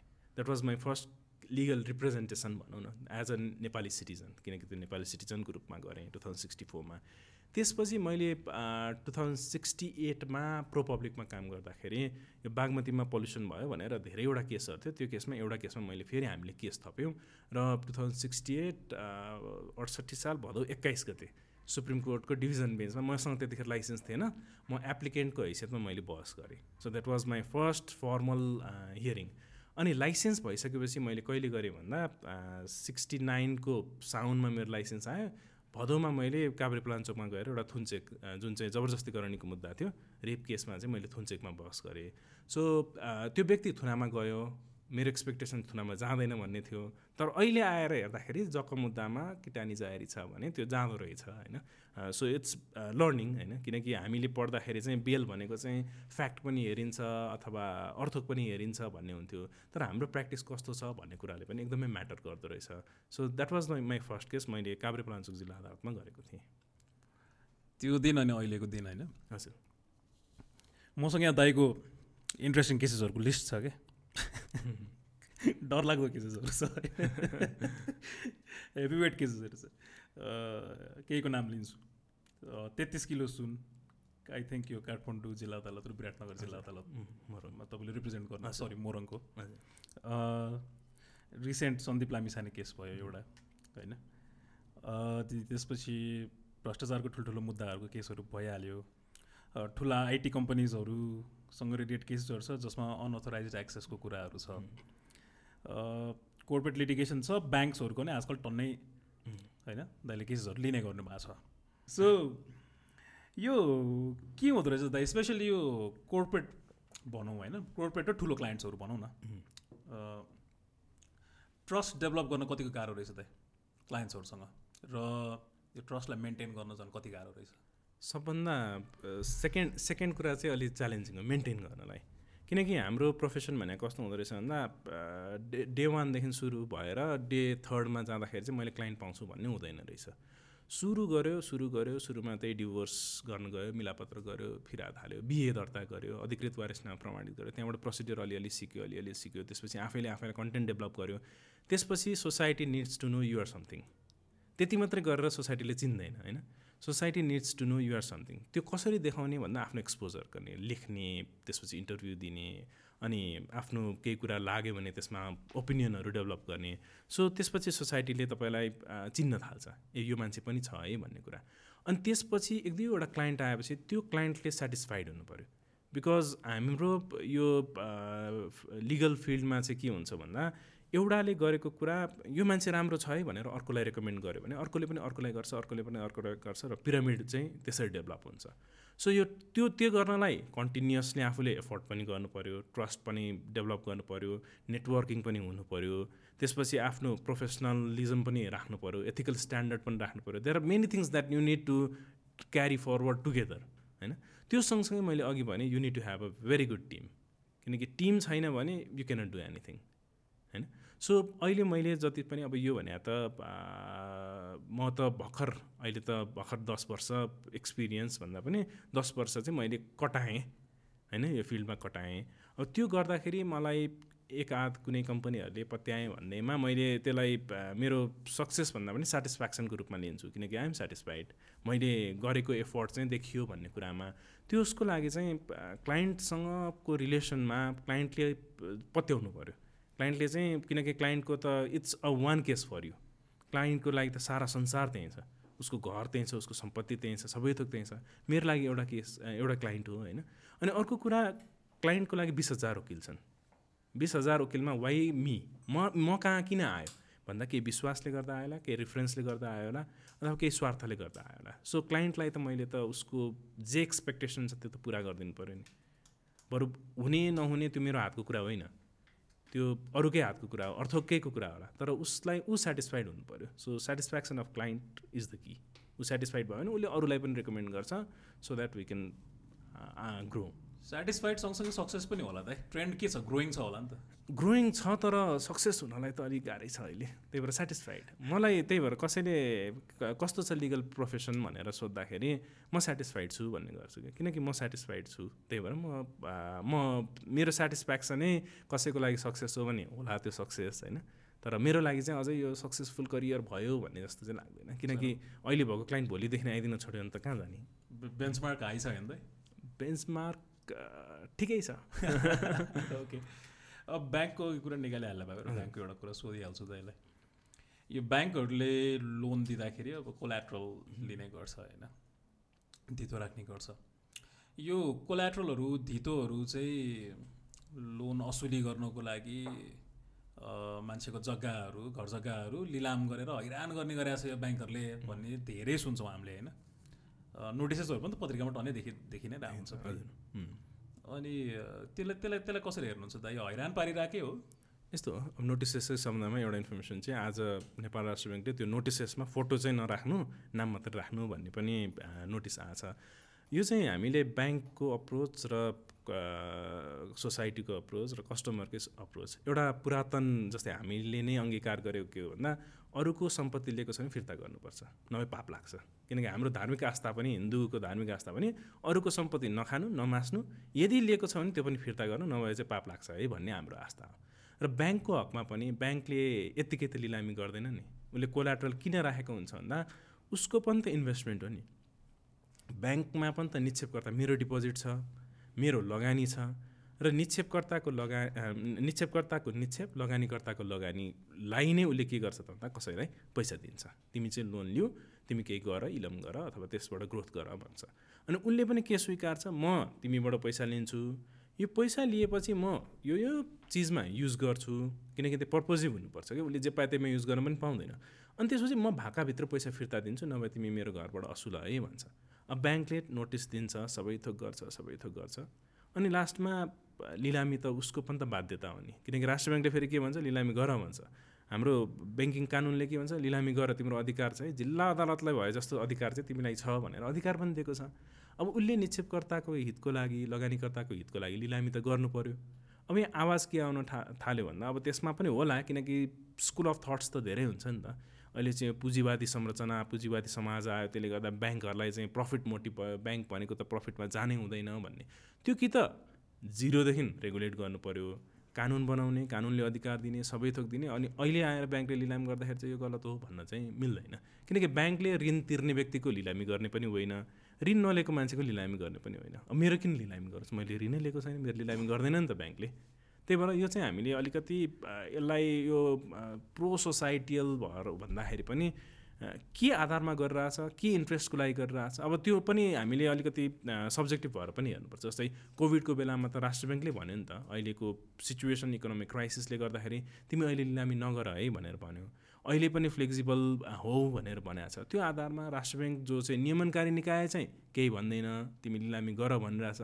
अनि अरू सोसाइटीका व्यक्तिहरू अरू जुन नागरिक समाजहरूले चाहिँ अब यो ब्याङ्कले गर्ने लिलामी चाहिँ गलत हो भनेर भन्दाखेरि द्याट्स नट फेयर किनकि ब्याङ्कहरूले चाहिँ हो त्यसमा अलिकति सब्जेक्टिभ भएर ग्रेस पिरियडहरू केही न केही मान्छेको अवस्था हेरेर त्यसलाई कन्सिडर गर्नुपर्ने अवस्था चाहिँ हुन्छ। किनकि ह्युमेनिटेरियन ग्राउन्ड ह्युमेनिटी भनेको त जहिले पनि प्रिभेल गर्छ नि। त्यसलाई चाहिँ हामीले अनदेखा गर्न हुँदैन। तर लिगल प्रोभिजनै इन्याक्ट त्यो डाइल्युट हुने किसिमबाट जुन आवाजहरू आइरहेछ त्यो चाहिँ हामीले अलिकति सोच्नै पर्छ। ब्याङ्ककै कुरा गरेर सँगसँगै मलाई यो ब्याङ्कहरूसँग रिलेटेड ठ्याक्क ह्याकिङहरूको इन्सिडेन्ट पनि याद आयो। फेरि ह्याकिङ भनिसकेपछि ब्याङ्कको मात्रै छैन यहाँ फेरि आइटी कम्पनीजहरू अघि पनि हामीले कुरा गऱ्यो अनअथराइज एक्सेसदेखि लिएर हजारवटा कुराहरू छ। यो के छ दाइ सिचुएसन करेन्टली के देखिराख्नु भएको छ डाटा थेफ्टको कुरामा स्पेसल्ली जहाँ चाहिँ आई थिङ्क हाम्रो कानुनले केही बोल्या छ पर्याप्त बोल्या छैन होइन? त्यस्तै लाग्छ। यो दुइटै ठाउँमा फेरि इन्डिभिजुअल पर्सनल लेभलमा हुने डाटा थेफ्टको एउटा कुरा छ। भने अर्को यो बिजनेसेसहरूबाट हुनेछ। त्यसलाई कसरी हेरिराख्नु भएको छ त अहिलेको रिसेन्ट सिनारीमा यसलाई कस्तो छ भन्दा हाम्रो डेटा थेफ्टहरू हुँदाखेरि दुई तिनवटा कुराहरू यसमा हामीले विचार गर्नुपर्ने कुरा छ।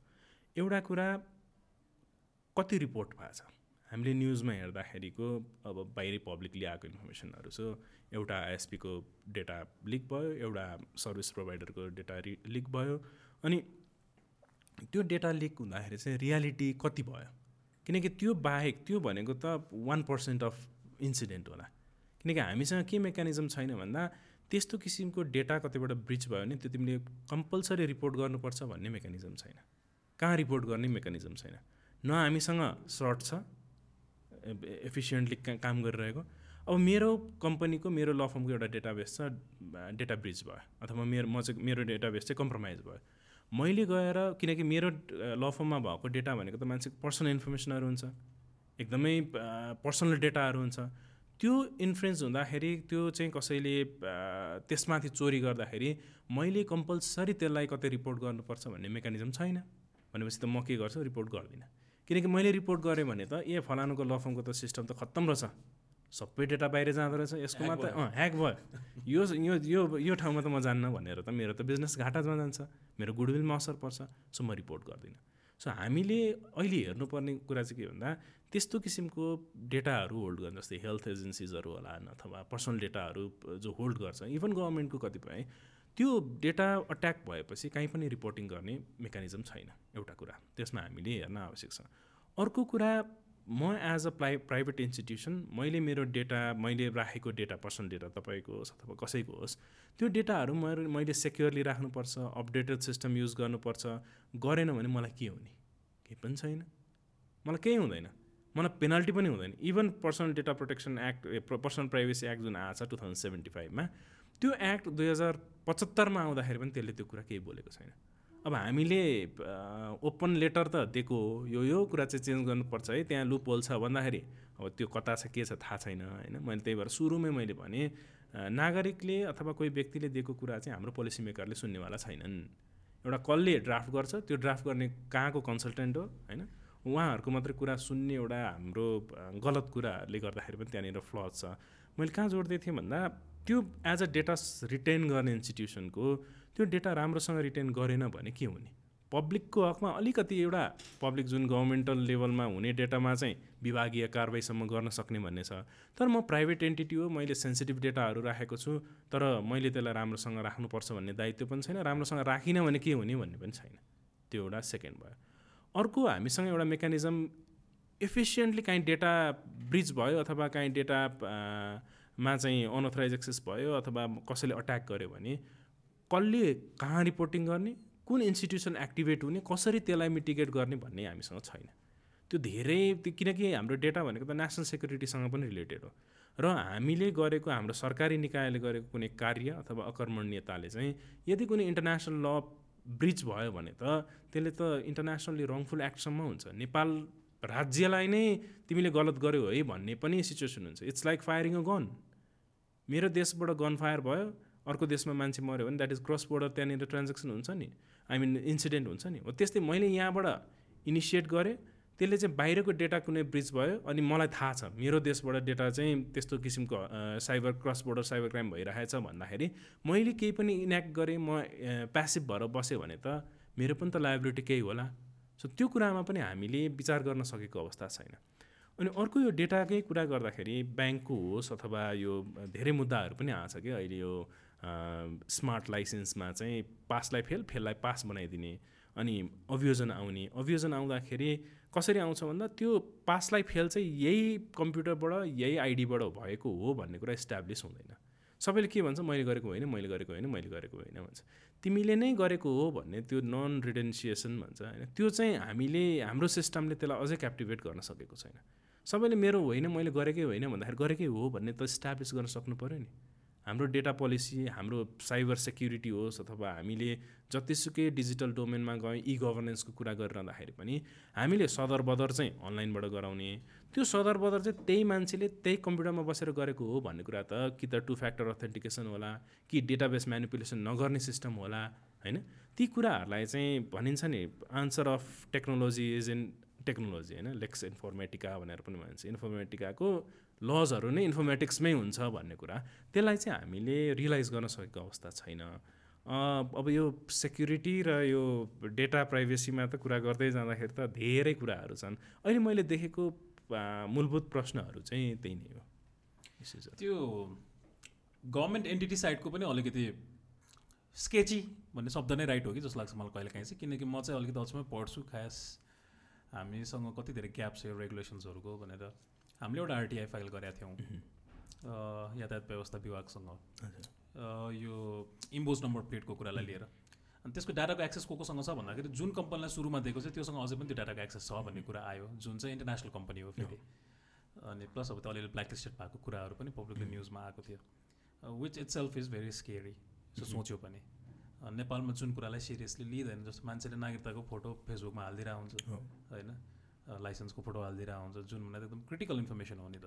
होइन त्यो त अहिले त झन् हामीले एकदमै विचार गर्नुपर्ने कुरा यो चाहिँ गभर्मेन्टको जुन रेगुलेसनको फ्लज अहिले चाहिँ केही हदसम्म यो हामीले न्युजहरूमा आउँदाखेरि एउटा इम्पोर्टेन्ट कुरा के छ भन्दा नागरिकताको फोटो। फर इक्जाम्पल मैले आलोकको नागरिकताको फोटो अनलाइनमा भेटाएँ। मसँग तपाईँको मोबाइल नम्बर छ। म कहाँ जान्छु? दूरसञ्चारमा जान्छु। मेरो सिम कार्ड हरायो भनेर। होइन? अनि त्यसपछि नागरिकताको फोटो भनेको अठार वर्ष हुँदाखेरि सोह्र वर्ष हुँदाखेरिको फोटो जुन अहिलेसम्म म्याच गर्दैन। अनि उसले फोटो हेरेर मलाई चिन्नेवाला छैन। त्यहाँनिर ढाका टोपी लगाएको अथवा त्यतिखेरको के थियो हाम्रो त ढाका टोपी लगाएकै छ होइन?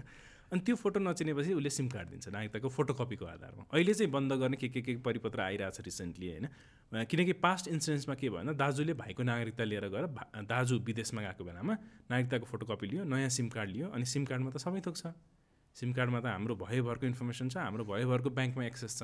त्यसपछि ब्याङ्कबाट पैसा ट्रान्सफर भयो। मैले त गरिदिन सक्ने भयो नि त नागरिकताको आधारमा। तर हामी नागरिकतालाई कति सत्य रूपमा लिन्छौँ कि फेसबुकमा पनि त्यो सेयर गरिदिन्छौँ सबै थोक गरिदिन्छौँ। सो त्यो चाहिँ हामीले एउटा डिजिटल अवेरनेस अथवा यो डेटाको अवेरनेस हामीले गर्न सकेका छैनौँ। त्यो भनेको साँचो मान्छेको घरको साँचो चाहिँ ल है साँचो छ भन्ने बाटोभरि ऊ त्यो पहेँलो रङको घरको साँचो यहाँ छ है मूल ढोकाको साँचो यहाँ छ है भनेर हामीले बाँड्दै हिँडे जस्तो हो कि। त्यही भएर त्यसलाई एउटा अवेरनेस पनि गर्नु पऱ्यो र त्यसलाई अर्को पाटोबाट करेक्सन पनि गर्नु पऱ्यो किनकि सिटिजनसिपको फोटो फोटो फोटोकपीकै आधारमा हामीले सिम कार्ड दिन भएन। किनकि सिम कार्ड भनेको त्यसमा डेटा छ डेटा भनेको त अहिले पेट्रोल भन्दा पनि it's it's like crude oil होइन? सो त्यो चाहिँ हामीले एउटा सिस्टम बसाउन चाहिँ जरुरी छ। सिम कार्ड भन्दा याद आयो रिसेन्टली ताइले पनि लड्नुभयो एउटा मुद्दामा सिम कार्ड क्यान्सल गर्ने एनटिसीको एउटा रिसाइकलको रिसाइकलको कुरालाई अन्तरिम आदेश निक्लेको थियो होइन? के छ महिनामा अरूलाई दिने खालको थियो त्यो? त्यो चाहिँ छ महिनामा अरूलाई त्यसमा चाहिँ हामीले उठाएको प्रश्न के थियो भन्दा मलाई नोटिफाइड हुनु पऱ्यो उसको पोलिसी होला उसको त्यो सिम कार्ड भनेको पनि त लिमिटेड रिसोर्स हो नि। त्यो छ महिनामा अर्कोलाई दिन्न तिमीले नै तिमीलाई नै दिन्छु अथवा मलाई नै देऊ भनेर मैले भन्न पाउँदिनँ। किनकि त्यो उसको रिसोर्स हो कि त मैले युज गरिदिनु पऱ्यो कि त उसले अर्कोलाई बेच्छ द्याट्स फाइन होइन त्यो लजिकल पनि छ। तर हाम्रो कन्सर्न के थियो भन्दा मलाई नोटिस त देऊ। तिमीले मेरो असेट मेरो नामको सिम कार्ड अरू कसैलाई दिँदैछौ त्यहाँ मेरो डेटा इन्टिग्रेट छ भने मलाई नोटिसै नदिकन अरूलाई दिने? भनेर हामीले खास नोटिसलाई पनि फोकस गऱ्यौँ हुन पनि त्यही हो सिम कार्ड त उसको प्रपर्टी हो लिमिटेड रिसोर्स हो त्यो उसले रिसाइकल गर्नुपर्छ। तर मलाई नोटिफिकेसनै नदिकन गर्दाखेरि त मेरो त धेरै हक अधिकारहरू कुण्ठित हुने भएको भएर we had argued on that way अनि कोर्टले पनि कोर्टले पनि दुइटा हाम्रो आर्गुमेन्टलाई ब्यालेन्स गर्ने गरी स्टे अर्डर दियो। फेरि सबै कुरा फोन नम्बरसँग टाइप गर्ने फेरि चलन छ इभन सरकारी कार्यालयको पनि एक्ज्याक्टली फेरि रिस्की हुन जान्छ होइन। त्यो सँगसँगै जाउँ डाटा थेफ्टको कुरा गऱ्यौँ डाटाको चोरीको कुरा गऱ्यौँ। बौद्धिक सम्पत्तिको पनि कुरा गरौँ न छ इन्टेलेक्चुअल प्रपर्टीको हजुर। एउटा इक्जाम्पल दिन्छु है त। जस्तो थाहा छ हामी मेरो अड्डाले धेरै डिजाइन्सहरू बनाइरहेको छौँ लको बारेमा। सँगसँगै हाम्रो सर्भिसेसहरूको बारेमा पनि गर्छौँ। मलाई एक दिन कहाँ देखेँ मैले याद भएन एउटा ल फर्मले नै हाम्रो डिजाइन क्रप गरेर राखेको छ क्या हाम्रो टक्क जहाँबाट लोगो हट्छ त्यहाँबाट टक्क लगाएर गरेर राखेको छ त्यसपछि अर्को एउटा फर्मले चाहिँ हाम्रो एउटा सर्भिसेस थियो बिचमा लोगो थियो। सर्भिसेसको वरि वरिपरि सर्भिसेस भएको। बिचको हाम्रो लोगोको माथिपट्टि उसको लोगो मात्रै टक्क प्लेस गरेर अरू केही चेन्जेस नगरिकन। अनि फेरि तलपट्टि हाम्रो वेबसाइटलाई क्रप गरेर अनि फेरि पोस्ट गरेछ। अनि अझ बुस्ट पनि गर्नु भ्याएछ। अनि यो देखिरहेको हुन्छ हामीले। होइन? अनि अब त्यही अघि हामीले कुरा गरेर जस्तो कहाँ जाने के गर्ने भन्ने कुराको ठुलो ग्याप छ होइन? अब यसो सोच्यो भने त सानो डिजाइन त हो नि गऱ्यो ल कपी गरेँ त के गर्ने त चोऱ्यो त ल अब। यतिको लागि अब मुद्दा हाल्न जानु त नि भन्ने कुरा हुन्छ। तर त्यो त प्रिन्सिपल्ली त गलत काम हो नि त फेरि होइन? किनकि आज पो डिजाइन छ त भोलि सोर्स कोड होला भोलि अरू कुरा होला अन्य बौद्धिक सम्पत्तिको कुराहरू आउला ब्रान्डकै कुरा होला होइन त यो सानोभन्दा सानो बौद्धिक सम्पत्तिको चोरी हुँदा र ठुलो हुँदामा हामीले एज अ नागरिक अप्नाउनु पर्ने प्रोसेस चाहिँ के हो त त्यसमा एउटा कुरा हामीले आलोक हामी जस्तो एउटा जो सोसाइटीलाई चाहिँ अगाडि सेन्सिटाइज गर्नुपर्छ भन्ने जुन उद्देश्यले हामी हिँडेका छौँ नि जस्तै यो राजविराजतिर के हुन्छ भन्दा एक कचौरा दहीको चोरीको पनि मुद्दा लाग्छ क्या एक कचौरा दही। होइन? त्यो त चोरी त चोरी हो नि त। एक किलो सुन भए पनि चोरी हो एक कचौरा दही भए पनि चोरी हो एक्ज्याक्टली कपिराइटमा जतिखेर कपिराइटको कुरा अथवा बौद्धिक सम्पत्तिको प्रतिलिपि अधिकारका कुराहरू हुन्छन् सानो लोगो पनि यदि पब्लिक डोमेनमा तपाईँले अथवा कुनै एउटा इन्स्टिट्युसनले राखेको छ मैले कपी गरेँ भने त्यो कपिराइट हो। कपिराइटको प्रतिलिपि अधिकारको उल्लङ्घन हो। तर त्यसमा दुई तिनवटा कुराहरू हेर्न आवश्यक छ। त्यो लिएर मैले फेयर युज गरेको छु कि छैन होइन? त्यो चाहिँ मैले आफ्नो व्यक्तिगत रूपमा युज गरेको छु कि छैन? किनकि मैले कुनै एउटा आर्ट देखेँ त्यो चाहिँ मैले एउटा व्यक्तिगत कार्डको लागि। मेरो आफ्नो एउटा कार्डमा चाहिँ एउटा दसैँको कार्डमा कोही मान्छे पिङ चढिरहेको फोटो स्केच थियो। त्यो राखेँ भने त्यसलाई प्रतिलिपि अधिकार उल्लङ्घन मान्ने कि नमान्ने? किनकि त्यहाँ मैले कुनै इकोनोमिक बेनिफिट त लिएको छुइनँ होइन? तर मेरो एउटा दायित्व के थियो मैले क्रेडिट दिनु पर्थ्यो जो सर्जक हो जसले सिर्जना गरे उसलाई क्रेडिट दिनु पर्थ्यो तर त्यो गरेको छैन। मैले चाहिँ राखेँ मैले एउटा कार्ड बनाएँ प्रवीण सुवेदी राखेर कसैलाई दिएँ भने त्यो मैले प्रतिलिपि अधिकार उल्लङ्घन गरेको मान्ने कि नमान्ने? त्यो पनि एउटा डिस्प्युट चाहिँ हामीले विवाद गर्न सक्ने ठाउँ हुन्छ। किनकि त्यहाँ मैले कुनै पनि आर्थिक आम्दानी गर्दिनँ। मैले त कार्ड बनाएर पठाइदिन्छु। अनि अब अर्को कुरा कुनै एउटा सानो लोगो छ त्यसलाई चाहिँ मैले ठुलो एउटा फ्लेक्समा राखेँ त्यसपछि मेरो क्लाइन्टहरूलाई दिन थालेँ त्यसैको एट्र्याक्सनमा क्लाइन्टहरूले चाहिँ म प्रति आएँ मैले त्यसैको आधारमा इकोनोमिक गेन गरेँ भने त्यसमा सैद्धान्तिक रूपमा पनि कानुनी रूपमा पनि त्यो प्रतिलिपि अधिकारको विपरीतको कार्य हो। तर हामीले मैले अघि सुरुमै जोड्न चाहेँ हामीले सेन्सिटाइज गर्नु पऱ्यो जस्तै मेरो अड्डाको लोगो चोरी हुँदाखेरि हामीले के गर्यौँ? उसलाई एउटा लिगल नोटिस पठायौँ कि एपोलोजी माग्यौँ कि किनकि त्यसलाई लेट गो गऱ्यौँ भने यो इमोरल हो इलिगल हो तर पनि इट्स गोइङ अन सबैले गरेर हुन्छ होइन। सो हामीले चाहिँ यसलाई रोक्नको लागि हामी जस्तो सिचुएसनमा भएको मान्छेको दायित्व चाहिँ के हुन्छ भन्दा यो रङ हो भनेपछि त्यसलाई कसरी राइट गर्ने अथवा कसरी लिगल्ली नोटिस पठाउने कसरी त्यसको रेमेडी लिने भन्नेतर्फ चाहिँ हामी सचेत भयौँ भने त्यो कम हुँदै जान्छ नभए हुँदैन। जस्तै डिफेमेसनकै इक्जाम्पल गाली बेजती अथवा यो अनलाइनमा गर्ने दुर्व्यवहारहरू। पहिला ऱ्याम्पेन्ट रूपमा हुन्थ्यो। अहिले त्यो केसहरू मोडस बढेको छ अर्को अर्को त्यो ठुलो खालको केसमा ठुलो ठुलो भइरहेको छ। तर त्यो सामान्य गाली बेजती सामान्य फेसबुकमा गर्ने गाली बेजती घटेको छ। किन भन्दा मान्छेले कम्प्लेन गर्न थाले मुद्दा हाल्न थाले जाहेरी पर्न थाल्यो। ओहो यो त गलत रहेछ यो गर्न हुँदैन रहेछ भनेर मान्छेले लेख्न छोडे। सो त्यही हिसाबमा हामीले प्रतिलिपिकै कुरामा पनि यो सानो कुरा हो यसमा छोडिदिउँ भनेर भन्नुभन्दा पनि छोड्नुभन्दा एक प्याराग्राफहरू लेटर पठाइदियो भने त उसले ऊ डराउँछ ऊ डराएपछि अरू पनि डराउँछन् होइन? त्यसले गर्दाखेरि सोसाइटीमा एउटा हार्मोनी क्रिएट हुन्छ भन्ने अब मेरो बिलिफ हो होइन? मैले भन्दाखेरि सबैलाई नै त्यही भन्छु। तर अब इट्स अप टु यु किन नि खोज्नु छोडिदिउँ नि त। मेरो पनि के भएको छ र पब्लिसिटी नै भएको छ भन्ने हो भने त्यो त्यही लेभलमा जानु पऱ्यो सो त्यसलाई चाहिँ त्यसरी लिन्छु म चाहिँ। यो टेक्नोलोजीको साइडबाट चाहिँ सोर्स कोडको पनि कुरा गरिहालौँ न त हजुर। हामीसँग संयन्त्र छ यो सोर्स कोड भाइलेसन भइरहेछ अस कसैले मिसयुज गरिरहेछ भने त्यसलाई एक्चुली जुडिसियल सिस्टमको थ्रुबाट गएर मैले प्र्याक्टिकलिटीको कुरा गरेँ मैले लको कुरा गरेँ होइन? छ त दाइ हामीसँग त्यो संयन्त्र? हामीसँग यस्तो छ कतिको कोड प्रोएक्टिभ छ भन्ने कुरा पनि हेरिन्छ। जस्तै एउटा टेक्निकल प्योरली टेक्निकल मुद्दा छ त्यो टेक्निकल मुद्दामा हामीले बहस गर्दाखेरि कन्भिन्स गराउन खोज्यौँ खोज्यौँ खोज्यौँ खोज्यौँ। लास्टमा कोर्टले के गर्यो भन्दा यो प्राविधिक विषयमा चाहिँ एउटा प्राविधिज्ञ झिकाएर यसमा बुझ्ने भनेर पनि भन्ने भनेको मतलब कहिले? डिपार्टमेन्ट अफ आइटीको प्राविधिक ल्याएर असिस्ट असिस्टेन्स लिने गरेछ एज एक्सपर्ट कहिले कोर्टकै आइटी एक्सपर्टलाई जस्तै एउटा मुद्दामा चाहिँ यो पुलिसले इन्भेस्टिगेसन गर्दाखेरि मोबाइल माग्यो भन्दाखेरि कोर्टले के भन्यो भन्दा मोबाइल इन्भेस्टिगेसन गर्न देऊ तर यही सुप्रिम कोर्टको आइटी अफिसरलाई पनि सँगै राख भनेर भन्यो क्या सो कोर्ट आफूमा कन्भिन्स छैन भने they always take for assistance from other अरूको असिस्टेन्स लिने गरेको चाहिँ हामीले देख्छौँ। अहिलेको हाम्रो प्रोएक्टिभ जुन जुडिसियल प्र्याक्टिसहरू छ त्यो प्र्याक्टिसमा चाहिँ यो कुरा टेक्निकल प्योरली टेक्निकल हो यसलाई पन्छौँ भन्दाखेरि पनि कुनै कुनै इन्स्टेन्सेसहरूमा चाहिँ बरु असिस्टेन्स लिएको पनि हामीले देख्न सक्छौँ। तर यो सोर्स कोडै यही हो सोर्स कोड कुन हो ओपन कोड कुन हो भनेर त्यो डिस्टिङ्ग्विस गर्ने काम फेरि एक त कोडको होइन पनि होइन? पहिला सोर्स कोड हो भन्ने कुरा इस्टाब्लिस गरिदिनु पऱ्यो इन्भेस्टिगेसन अथवा अभियोजनले अनि सोर्स कोड चाहिँ चोरेको छ भन्ने कुरा इन्भेस्टिगेसन गर्ने त उसको दायित्व हो नि त फेरि। फेरि कति कुराको त प्याटेन्ट हामी लिन्छौँ कि लिँदैनौँ भन्ने कुरा पनि फेरि आफ्नो ठाउँमा त्यो अलग्गै विषय छ फेरि होइन। अब धेरै टाइम इन्भेस्ट पनि गरिरहेको हुँदैन त्यसमा। अब यो रेगुलेसनकै कुरा गरेर बेलामा कहिलेकाहीँ अलिक चाहिने भन्दा धेरै रेगुलेसन भएको कुरा नि गरौँ त होइन हजुर। इन्टरनेट रेगुलेसन गरे जस्तो। इन्ट्रेस्टिङ मेरो आफ्नो पर्सनल बिलिफ भने चाहिँ सैद्धान्तिक हिसाबले ब्यान केही पनि गर्नु हुँदैन। रेगुलेट गर्नुपर्छ भन्छु म जहिले पनि। मेरो आफ्नो ओपिनियन भयो।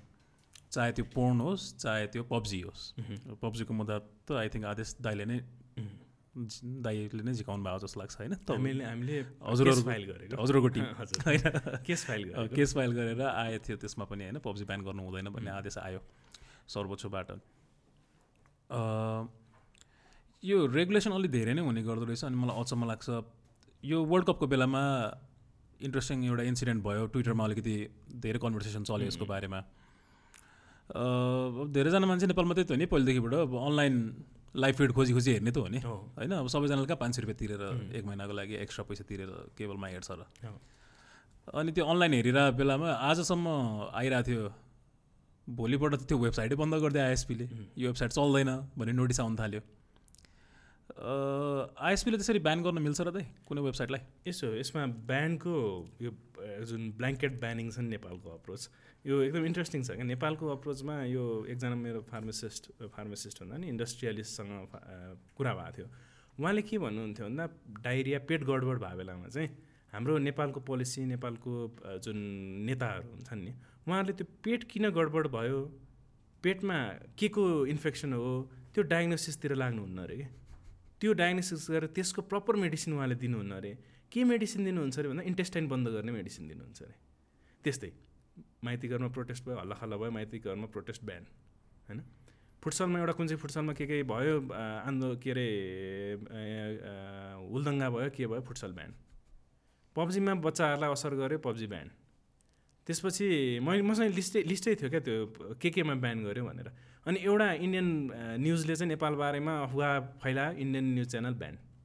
त्यसपछि अर्को जस धेरै धेरै कुराहरू छ जस्तै सेक्सुअल हेरासमेन्टहरू बढ्यो पोर्न साइटहरू ब्यान्ड होइन so ban is a culture हामीलाई। किन भन्दा इट्स भेरी सिम्पल इजी छ नि त। रेगुलेट गऱ्यो भने रेगुलेट पऱ्यो मोनिटरिङ पऱ्यो दुनियाँ पऱ्यो नि त। ब्यान गर्दै आँखा चिम्म गरेर अब यो त ब्यान गरेछ चुप लाएर बस्छु भनेर बस्थ्यो। तर त्यो ब्यान गर्न पाउने कानुनी आधार छ कि छैन? किनकि केही कुरा ब्यान गर्दाखेरि त्यसले त कन्स्टिट्युसनलाई पनि हिट गर्छ त्यसले हामी पक्ष भएको इन्टरनेसनल अन्तर्राष्ट्रिय कानुनहरूलाई पनि हिट गर्छ।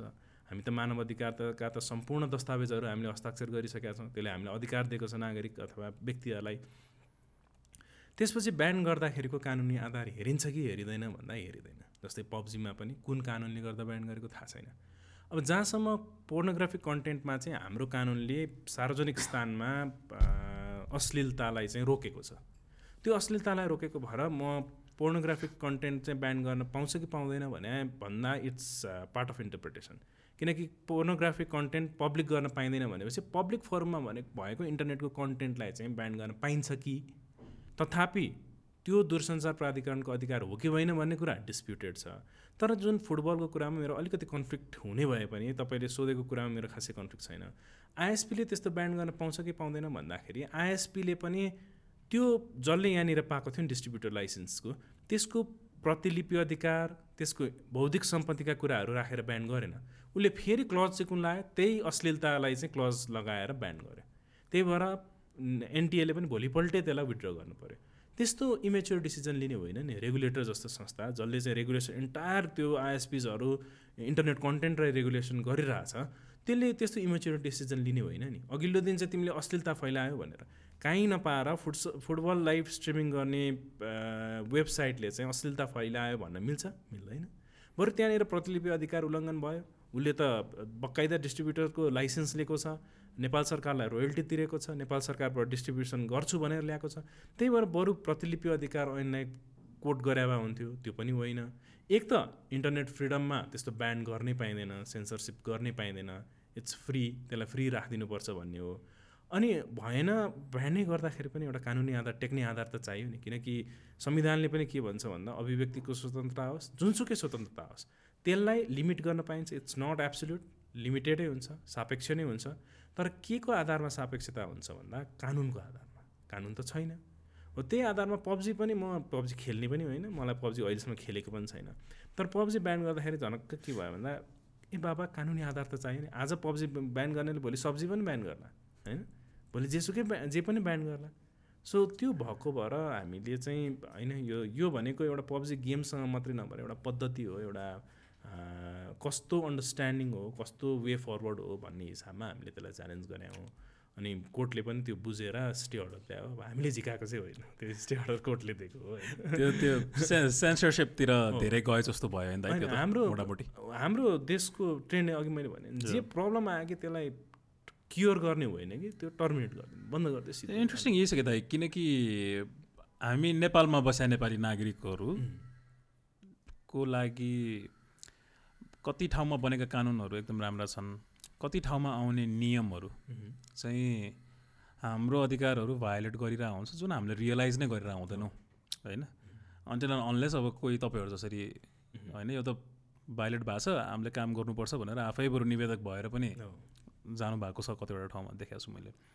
नभए धेरै जस्तो भायोलेसनै भइरहेको हुन्छ जस्तो अब अघि कुरा गरिहाल्नु म त अहिले फ्रिडम अफ स्पिचकै कुरा गरौँ एकचोटि।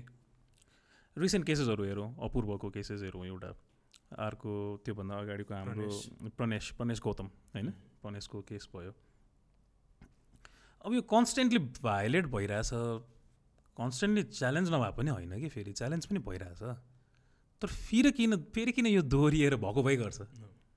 त्यसमा हाम्रो लिगल लुप होल पनि एक दुईवटा छ जस्तै हामीले फ्रिडम अफ एक्सप्रेसनलाई संविधानमा पनि राख्यौँ। त्यसपछि हामीसँग कानुन यो विद्युतीय माध्यममा घृणा द्वेष फैलाउँदाखेरि त्यसलाई अपराधीकरण पनि गऱ्यौँ त्यो दुइटाको बिचमा हेट स्पिच भन्ने हुन्छ होइन? हेट स्पिचलाई चाहिँ हामीले अहिलेको सिचुएसनमा क्रिमिनलाइज गऱ्यौँ जबकि फ्रिडम अफ एक्सप्रेसनको अगेन्स्ट फ्रिडम अफ एक्सप्रेसनलाई लिमिट गर्दाखेरि अथवा फ्रिडम अफ एक्सप्रेसनको जुन ग्रे एरिया छ त्यसलाई क्रस गर्दाखेरि त त्यसलाई कि त पेनाल्टी मोनिटरी पेनाल्टी कम्पेन्सेसन अथवा टर्सियस लाइबिलिटी राख्नुपर्ने। तर हाम्रो कानुनले के गर्यो? एकैचोटि पाँच वर्षसम्म कैद भनेर राखिदियो। त्यसपछि हाम्रो अभियोजनले के गर्ने? जाहेरी पर्छ। यो मान्छेले भनेका कुराहरू म विरुद्ध घृणा जन्य भयो द्वेषजन्य भयो म विरुद्ध अमर्यादित व्यवहार भयो। त्यही भएर यो मान्छेलाई त विद्युतीय कारोबार ऐन लाउनुपर्छ भनेपछि जाहेरी लिने कि नलिने भन्ने एकदमै ठुलो सिचुएसन अथवा डिबेट हुन्छ। त्यो डिबेटमा त्यो प्रणेशको बेलामा प्रणेशको बेलामा धेरै विवाद आएपछि अहिले चाहिँ अभियोजनले सकभर यता गाली बेजतीमा अर्को कोर्स पनि छ नि त अर्को कोर्समा जानुहोस् भनेर भन्छ। त्यही भएर हाम्रो सुप्रिम कोर्टले पनि रियलाइज के गरे भन्दा यो विद्युतीय माध्यम भइसकेपछि विद्युतीय माध्यममा हुने जुन फ्रिडम अफ एक्सप्रेसन कसै विरुद्ध केही बोल्दाखेरि चाहिँ तेस्रो एरिया जुन चाहिँ हेड स्पिचको एरिया छ त्यो हेड स्पिचलाई चाहिँ अहिलेसम्म हाम्रो कानुनले केही पनि गरेन रेगुलेट गरेन त्यो रेगुलेट हुने गरी कानुन बनाऊ भनेर पनि आदेश दिएको छ। सो अहिलेको हामीमा भएको प्रब्लमै त्यही हो। हेड स्पिच हो धेरै कुराहरू। किनकि कतिपय कुराहरू व्यक्तिले बोल्दै जाँदाखेरि म विरुद्ध हेट भए जस्तो हुन्छ नि त। मलाई आफूलाई फिल हुन्छ होइन? अब घृणाजन्य हो कि होइन द्वेषजन्य हो कि होइन त्यो एकदमै सब्जेक्टिभ भयो। त्यसलाई कसैले पनि एक्सप्लेन गर्न सक्दैन। किनकि मलाई घृणाजन्य लाग्ने अरूलाई नलाग्न सक्छ। अभद्र व्यवहार भने जस्तो हो अभद्र व्यवहार जस्तै हो। त्यो चाहिँ एउटा सरकारको त्यो छडी हुन्छ नि रेगुलेट गर्ने छडी। हो त्यसैको रूपमा चाहिँ अब दुरुपयोगै भयो त भन्न मिल्दैन एटलिस्ट हामी जस्तोले होइन। त्यो चाहिँ दुरुपयोग हुने एउटा लट्ठीको रूपमा भयो कि त्यसलाई चाहिँ हामीले पुनर्विचार गर्नुपर्ने हो कि? किनकि त्यहाँनिर हामीले यदि ललाई क्लियर क्ल्यारिफाई गऱ्यौँ हेड स्पिच भनेको यो हो विद्युतीय माध्यममा हुने कसुर चाहिँ यो यो हो अथवा गाली बेजती पनि छ नि त गुण र दोष बाहेक कसैलाई बेजतीपूर्ण काम गऱ्यो भने त त्यो पनि त इन्डिभिजुअल पार्टी क्रिमिनल अफेन्सै हो। सो हामीले त्यसलाई काहीँ न काहीँबाट डिफाइन गर्न चाहिँ आवश्यक छ। मलाई एउटा सेसन ठ्याक्कै याद आयो दाईसँग गरे एउटा सेसन थियो। अनि दाईले इन्ट्रेस्टिङ कुरा भन्नुभएको थियो कि सोसियल मिडियामा पनि कहाँ गर्छौ त्यो मानौँ कसैले जे पाए त्यो कमेन्ट गरे अरे गाली बेजती। हो। तर त्यो पनि कहाँ गरिरहेछसँग मतलब हुन्छ भन्नुभयो तपाईँले होइन जस्तो पब्लिक पेजमा आएर गर्यो कि एउटा प्राइभेट ग्रुपभित्र गर्यो कि अथवा एउटा मेसेन्जरभित्र गर्यो त्यो टेक्निकली तिनवटा डिफ्रेन्ट इस्यु हो भन्नुभएको थियो नि हजुरले होइन? त्यो अलिकति फेरि एकचोटि कुरा त्यसमा न। चाहिँ जस्तै एउटा यो मेरो मैले गरेको इन्ट्रेस्टिङ केसमा पनि एउटा केसमा पर्छ कि। जस्तै हाम्रो कानुनले टु थाउजन्ड सेभेन्टी टूभन्दा अगाडि विद्युतीय कारोबार ऐनमै एउटा व्यवस्था के गरेको थियो भन्दा पब्लिकली प्रकाशन वा प्रसारण गर्यो भने कस कस विरुद्ध भन्दा कसै विरुद्ध? कसै विरुद्ध घृणाजन्य अमर्यादित अथवा कसैलाई द्वेष पुग्ने कुनै कन्टेन्ट चाहिँ पब्लिकली प्रकाशन वा प्रसारण गर्यो भने त्यसलाई कसुरको रूपमा मानेको थियो। भनेको मतलब पब्लिकली भनेपछि वान टु वान कम्युनिकेसन होइन भन्ने बुझाइ थियो। एउटा व्यक्तिले आफ्नो गर्लफ्रेन्डलाई चाहिँ टु थाउजन्ड सेभेन्टी टूभन्दा अगाडिकै इन्स इन्सिडेन्ट है त्यस टु थाउजन्ड सेभेन्टी टू पछि चाहिँ त्यसमा केही रिफर्म भएको छन्। अनि त्यो व्यक्तिले आफ्नो गर्लफ्रेन्डलाई मेसेज पठाएको हुन्छ। गर्लफ्रेन्डलाई मेसेज पठाउँदाखेरि जिल्ला अदालतले पनि ठहर गरिदिन्छ। उच्चले पनि ठहर गरिदिन्छ। त्यसपछि ऊ मेरोमा आइपुग्छ। अब के गरौँ भनेर अब हेर कानुनले यस्तो भनेको छ तर यो इट डिपेन्ड्स अपन यु अब तिम्रो पेसेन्स छ कि छैन? पेसेन्स छ सुप्रिम कोर्टसँग जान्छौँ च्यालेन्ज गरिदियो भन्ने हो नि हामी च्यालेन्ज गरिदिन्छौँ। बट इट टेक्स टाइम किनकि चार पाँच वर्ष सुप्रिम कोर्टमा लाग्छ। तर यो च्यालेन्ज गर्ने चाहिँ ठाउँ छ भनेपछि हामीले त्यसलाई च्यालेन्ज गऱ्यौँ त्यो मान्छेलाई पहिला थुनामा जानु पऱ्यो त्यसपछि थुनाबाट बाहिर पनि आयो अनि लास्टमा उसले सफाइ पायो। कोर्टको इन्टरप्रिटेसन के थियो? त्यो सेक्सन फोर्टी सेभेनले त्यतिखेर टु थाउजन्ड सेभेन्टी टूभन्दा अगाडि चाहिँ पब्लिकेसन जरुरत ठानेको छ भन्थ्यो। भनेको वान टु वान कम्युनिकेसनमा मेसेन्जरमा भएको कुरालाई उसले विद्युतीय अपराध मानेको थिएन साइबर क्राइम मानेको थिएन। टु थाउजन्ड सेभेन्टी टूमा विधायिकाले के गर्यो? अगाडिको पार्टलाई सेम टु सेम राख्यो तर महिलाको हकमा चाहिँ प्रकाशन प्रदर्शन जरुरी ठानेन। भनेपछि यदि अहिलेको टु थाउजन्ड सेभेन्टी टू पछि चाहिँ आजको दिनमा पुरुषलाई पब्लिकली गाली गरियो गाली मात्रै नभएर अमर्यादित व्यवहार अथवा द्वेषपूर्ण अभिव्यक्ति घृणाजन्य अभिव्यक्ति दियो भने त्यो साइबर क्राइम भयो सेक्सन फोर्टी सेभेन इटिएको तर महिलाको हकमा चाहिँ पोक गर्दाखेरि पनि त्यो अहिले त पोक पनि छैन कि क्या अब फेसबुकमा होइन। जे होस् मल्टिपल फ्रेन्ड रिक्वेस्ट भनौँ न किनकि त्यहाँ हैरानी दिन पनि पाइएन कि? मैले कुनै महिलालाई फेसबुक फ्रेन्ड पठाएँ उनले रिजेक्ट गरिन् फेरि मैले पठाएँ। हरेक दिन पठाइरहेको छु भने त्यो पनि हैरानी भयो। त्यो पनि अहिलेको हाम्रो सेक्सन फोर्टी सेभेनले चाहिँ त्यसलाई पनि त्यो चाहिँ अफेन्स हो है। त्यो अनलफुल काम हो त्यस्तो काम नगर। हैरानी दिने काम महिलालाई विद्युतीय माध्यममा गर्दै नगर भनेर भन्यो। सो एउटा कट अफ पिरियड के मान्नु पऱ्यो भन्दा सेभेन्टी टूको संशोधनभन्दा अगाडि चाहिँ महिला पुरुष सबैलाई पब्लिकली नै कन्टेन्ट पब्लिस गरेको हुनु पर्थ्यो तर अहिलेको हक अहिलेको स्थितिमा चाहिँ महिलाको हकमा वान टु वान कम्युनिकेसन होस् पब्लिस होस् जे भए पनि महिलालाई अमर्यादित व्यवहार महिलालाई हैरानी दिने कुरा महिला विरुद्ध जे गर्दाखेरि पनि त्यो चाहिँ अफेन्सको रूपमा छ। अफेन्स र यो राइट्सहरूको भायोलेसनको कुरा गर्दै गर्दै जाँदा चाहिँ अब हजुरले मैले धेरै जस्तो कुरा गर्ने एउटा कुरा छ। यो धेरै समय आइटीकोतिर गफ गर्छौँ होइन? IT bill social media bill सँगसँगै हाम्रो यो के थियो विशेष सेवा विधेयक. होइन र सँगसँगै आएर रिसेन्ट वान कुरा गरौँ न एमडिएमएस यो एमडिएमएस आउँदाखेरि किन कसैले पनि राइट टु प्राइभेसीको गफ नगरिरहेको भनेर म एकदम सरप्राइज भएको थिएँ। मैले दुई चारजनासँग यसो कुरा पनि डिस्कसन पनि गरेँ। किनकि यहाँ त मोनिटरिङको कुरा छ नि त। भोलि फोन चोरी हुँदाखेरि भेट्टाउनु सजिलो हुन्छ भनेर त भएन नि। मलाई कति ट्र्याक गर्न दिन्छु मैले भन्ने त त्यो त फेरि मेरो मेरो कुरा हो। विशेष सेवा विधेयकमा पनि कल रेकर्डिङको कुराहरू थियो धेरै होइन? त्यो गर्न पाउने भन्ने कुराहरू थियो। सोसियल मिडिया बिलसँग रिलेटेड कुराहरू त अघि हामीले अलिकति टच गरी पनि हाल्यौँ। म फेरि पनि त्यही क्वेसन हजुरलाई सोधिरहेको छु कि यो बारम्बार के दाइ फेरि फेरि किन यो भायोलेसन भइरहेछ भन्ने कुरा कस्तो रियलाइज हुँदैन भने किनकि यो त मस्यौदा बनेर आउँदा त कानुन मन्त्रालयसम्म पनि त पुग्या हुन्छ। होइन? नपुग्या त हुँदैन। अब एउटा नयाँ कानुन बनाउँदा अर्को भायोलेसन भइरहेको छैन भन्ने कुरा बुझ्नु पऱ्यो। र अर्को कुरा चाहिँ फेरि इन्ट्रेस्टिङ आइटी बिल र सोसियल मिडिया बिलको कुरामा चाहिँ विद्युतीय कारोबार ऐनमा टेकेर गर्ने काम गरिरहेछ जसले चाहिँ कहिले इन्भिजनै गरेको थिएन यो कुराहरू होइन। यो यो टाइम एन्ड अगेन किन भइरहेछ त हामीले के सेम नेताहरू पाएको कारणले गर्दा अन्डरस्ट्यान्डिङ नभएको जस्तो लाग्छ तपाईँलाई? कि यो लिगालिटीमै कतै के प्रोसेसमै कतै के फ्ल छ जस्तो लाग्छ तपाईँलाई? अनि खास यसमा समस्या के छ भन्दा अरूको कुरा नसुन्ने।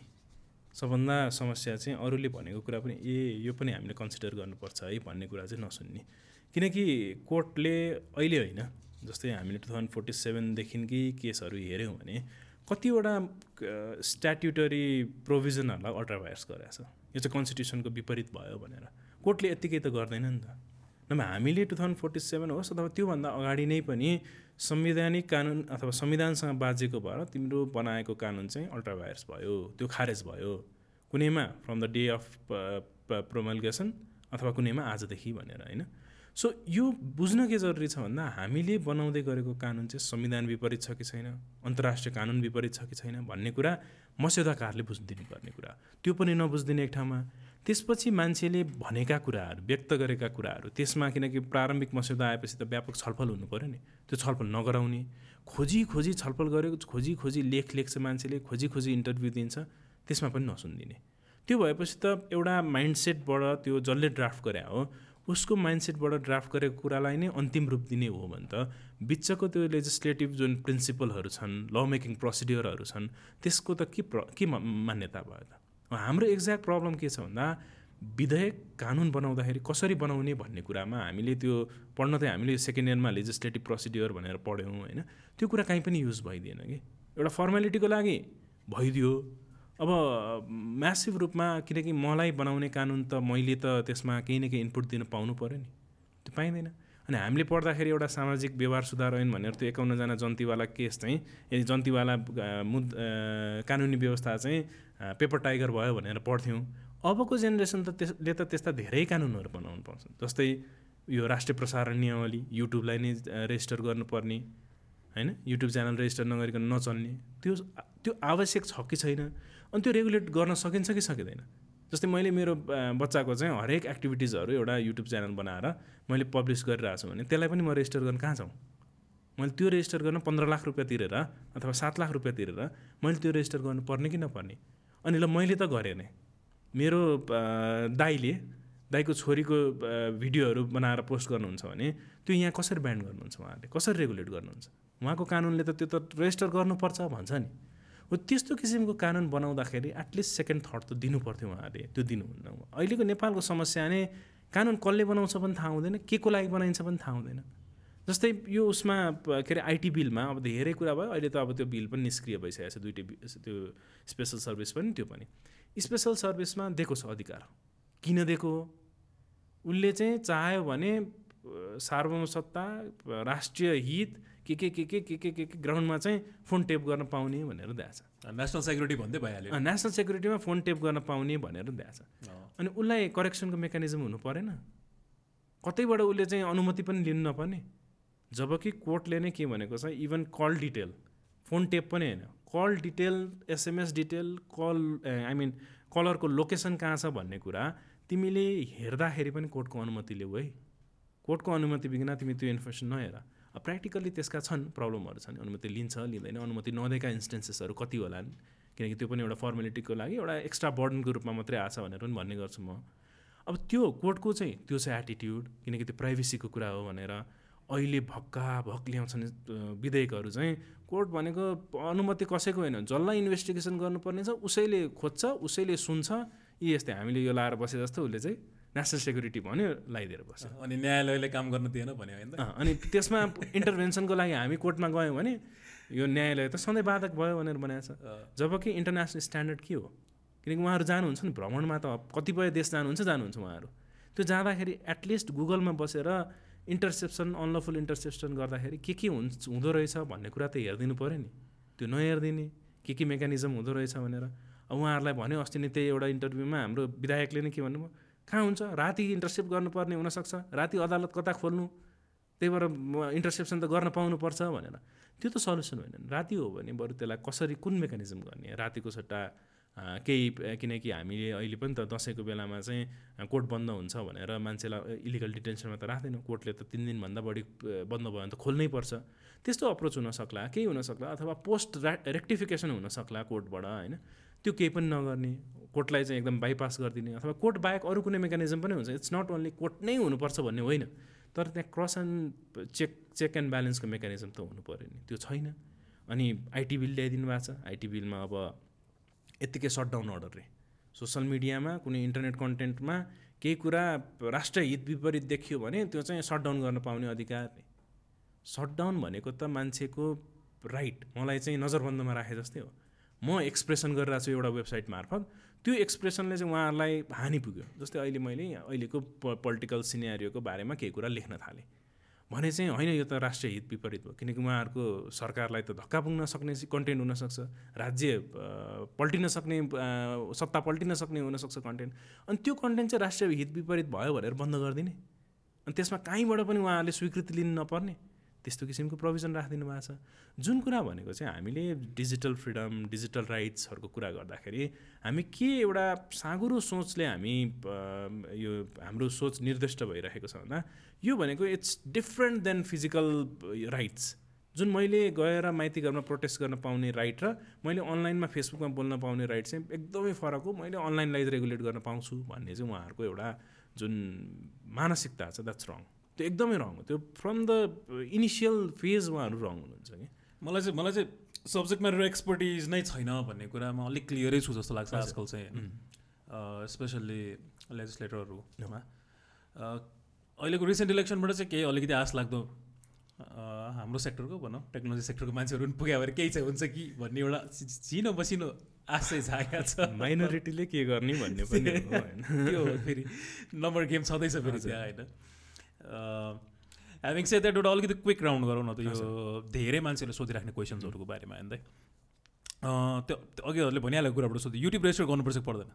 युट्युब रेजिस्टर गर्नु पर्दैन। पर्दैन। पर्दैन ओके एज अ च्यानलै छ भने नियमावलीले गर्नुपर्छ भनेको छ। त्यसलाई पनि उहाँहरूले पछि के गरिदिनु भन्दा व्यक्तिगत रूपमा गर्नेलाई हामीले रेगुलेट गर्न खोज्या होइन भनिदिनु भयो त्यतिखेर मैले एउटा ट्विट पनि गरेको थिएँ। त्यो होइन भने त त्यही त्यसैमा बरु प्रोभिजो राखिदिएको भए हुन्थ्यो होइन? तर उहाँहरूको प्रोभिजन अनुसार त रेजिस्टर गर्नुपर्छ।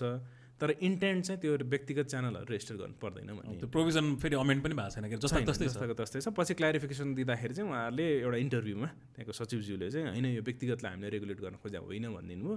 मेरो कन्सर्न चाहिँ के थियो भने त त्यो होइन थियो भने त तर भनेर त्यो एउटा सब वाक्य राखिदिनलाई उहाँहरूलाई कति नै इङ्क खर्च हुन्थ्यो र। त्यही त त्यही त।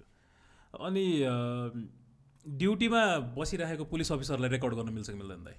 ड्युटीमा बसिरहेको पुलिस अफिसरलाई आर्मीले चाहिँ नेसनल सेक्युरिटी भन्छ रेकर्ड गर्न दिँदैन। अब त्यो चाहिँ आर्मी शासन आफ्नै छ होइन?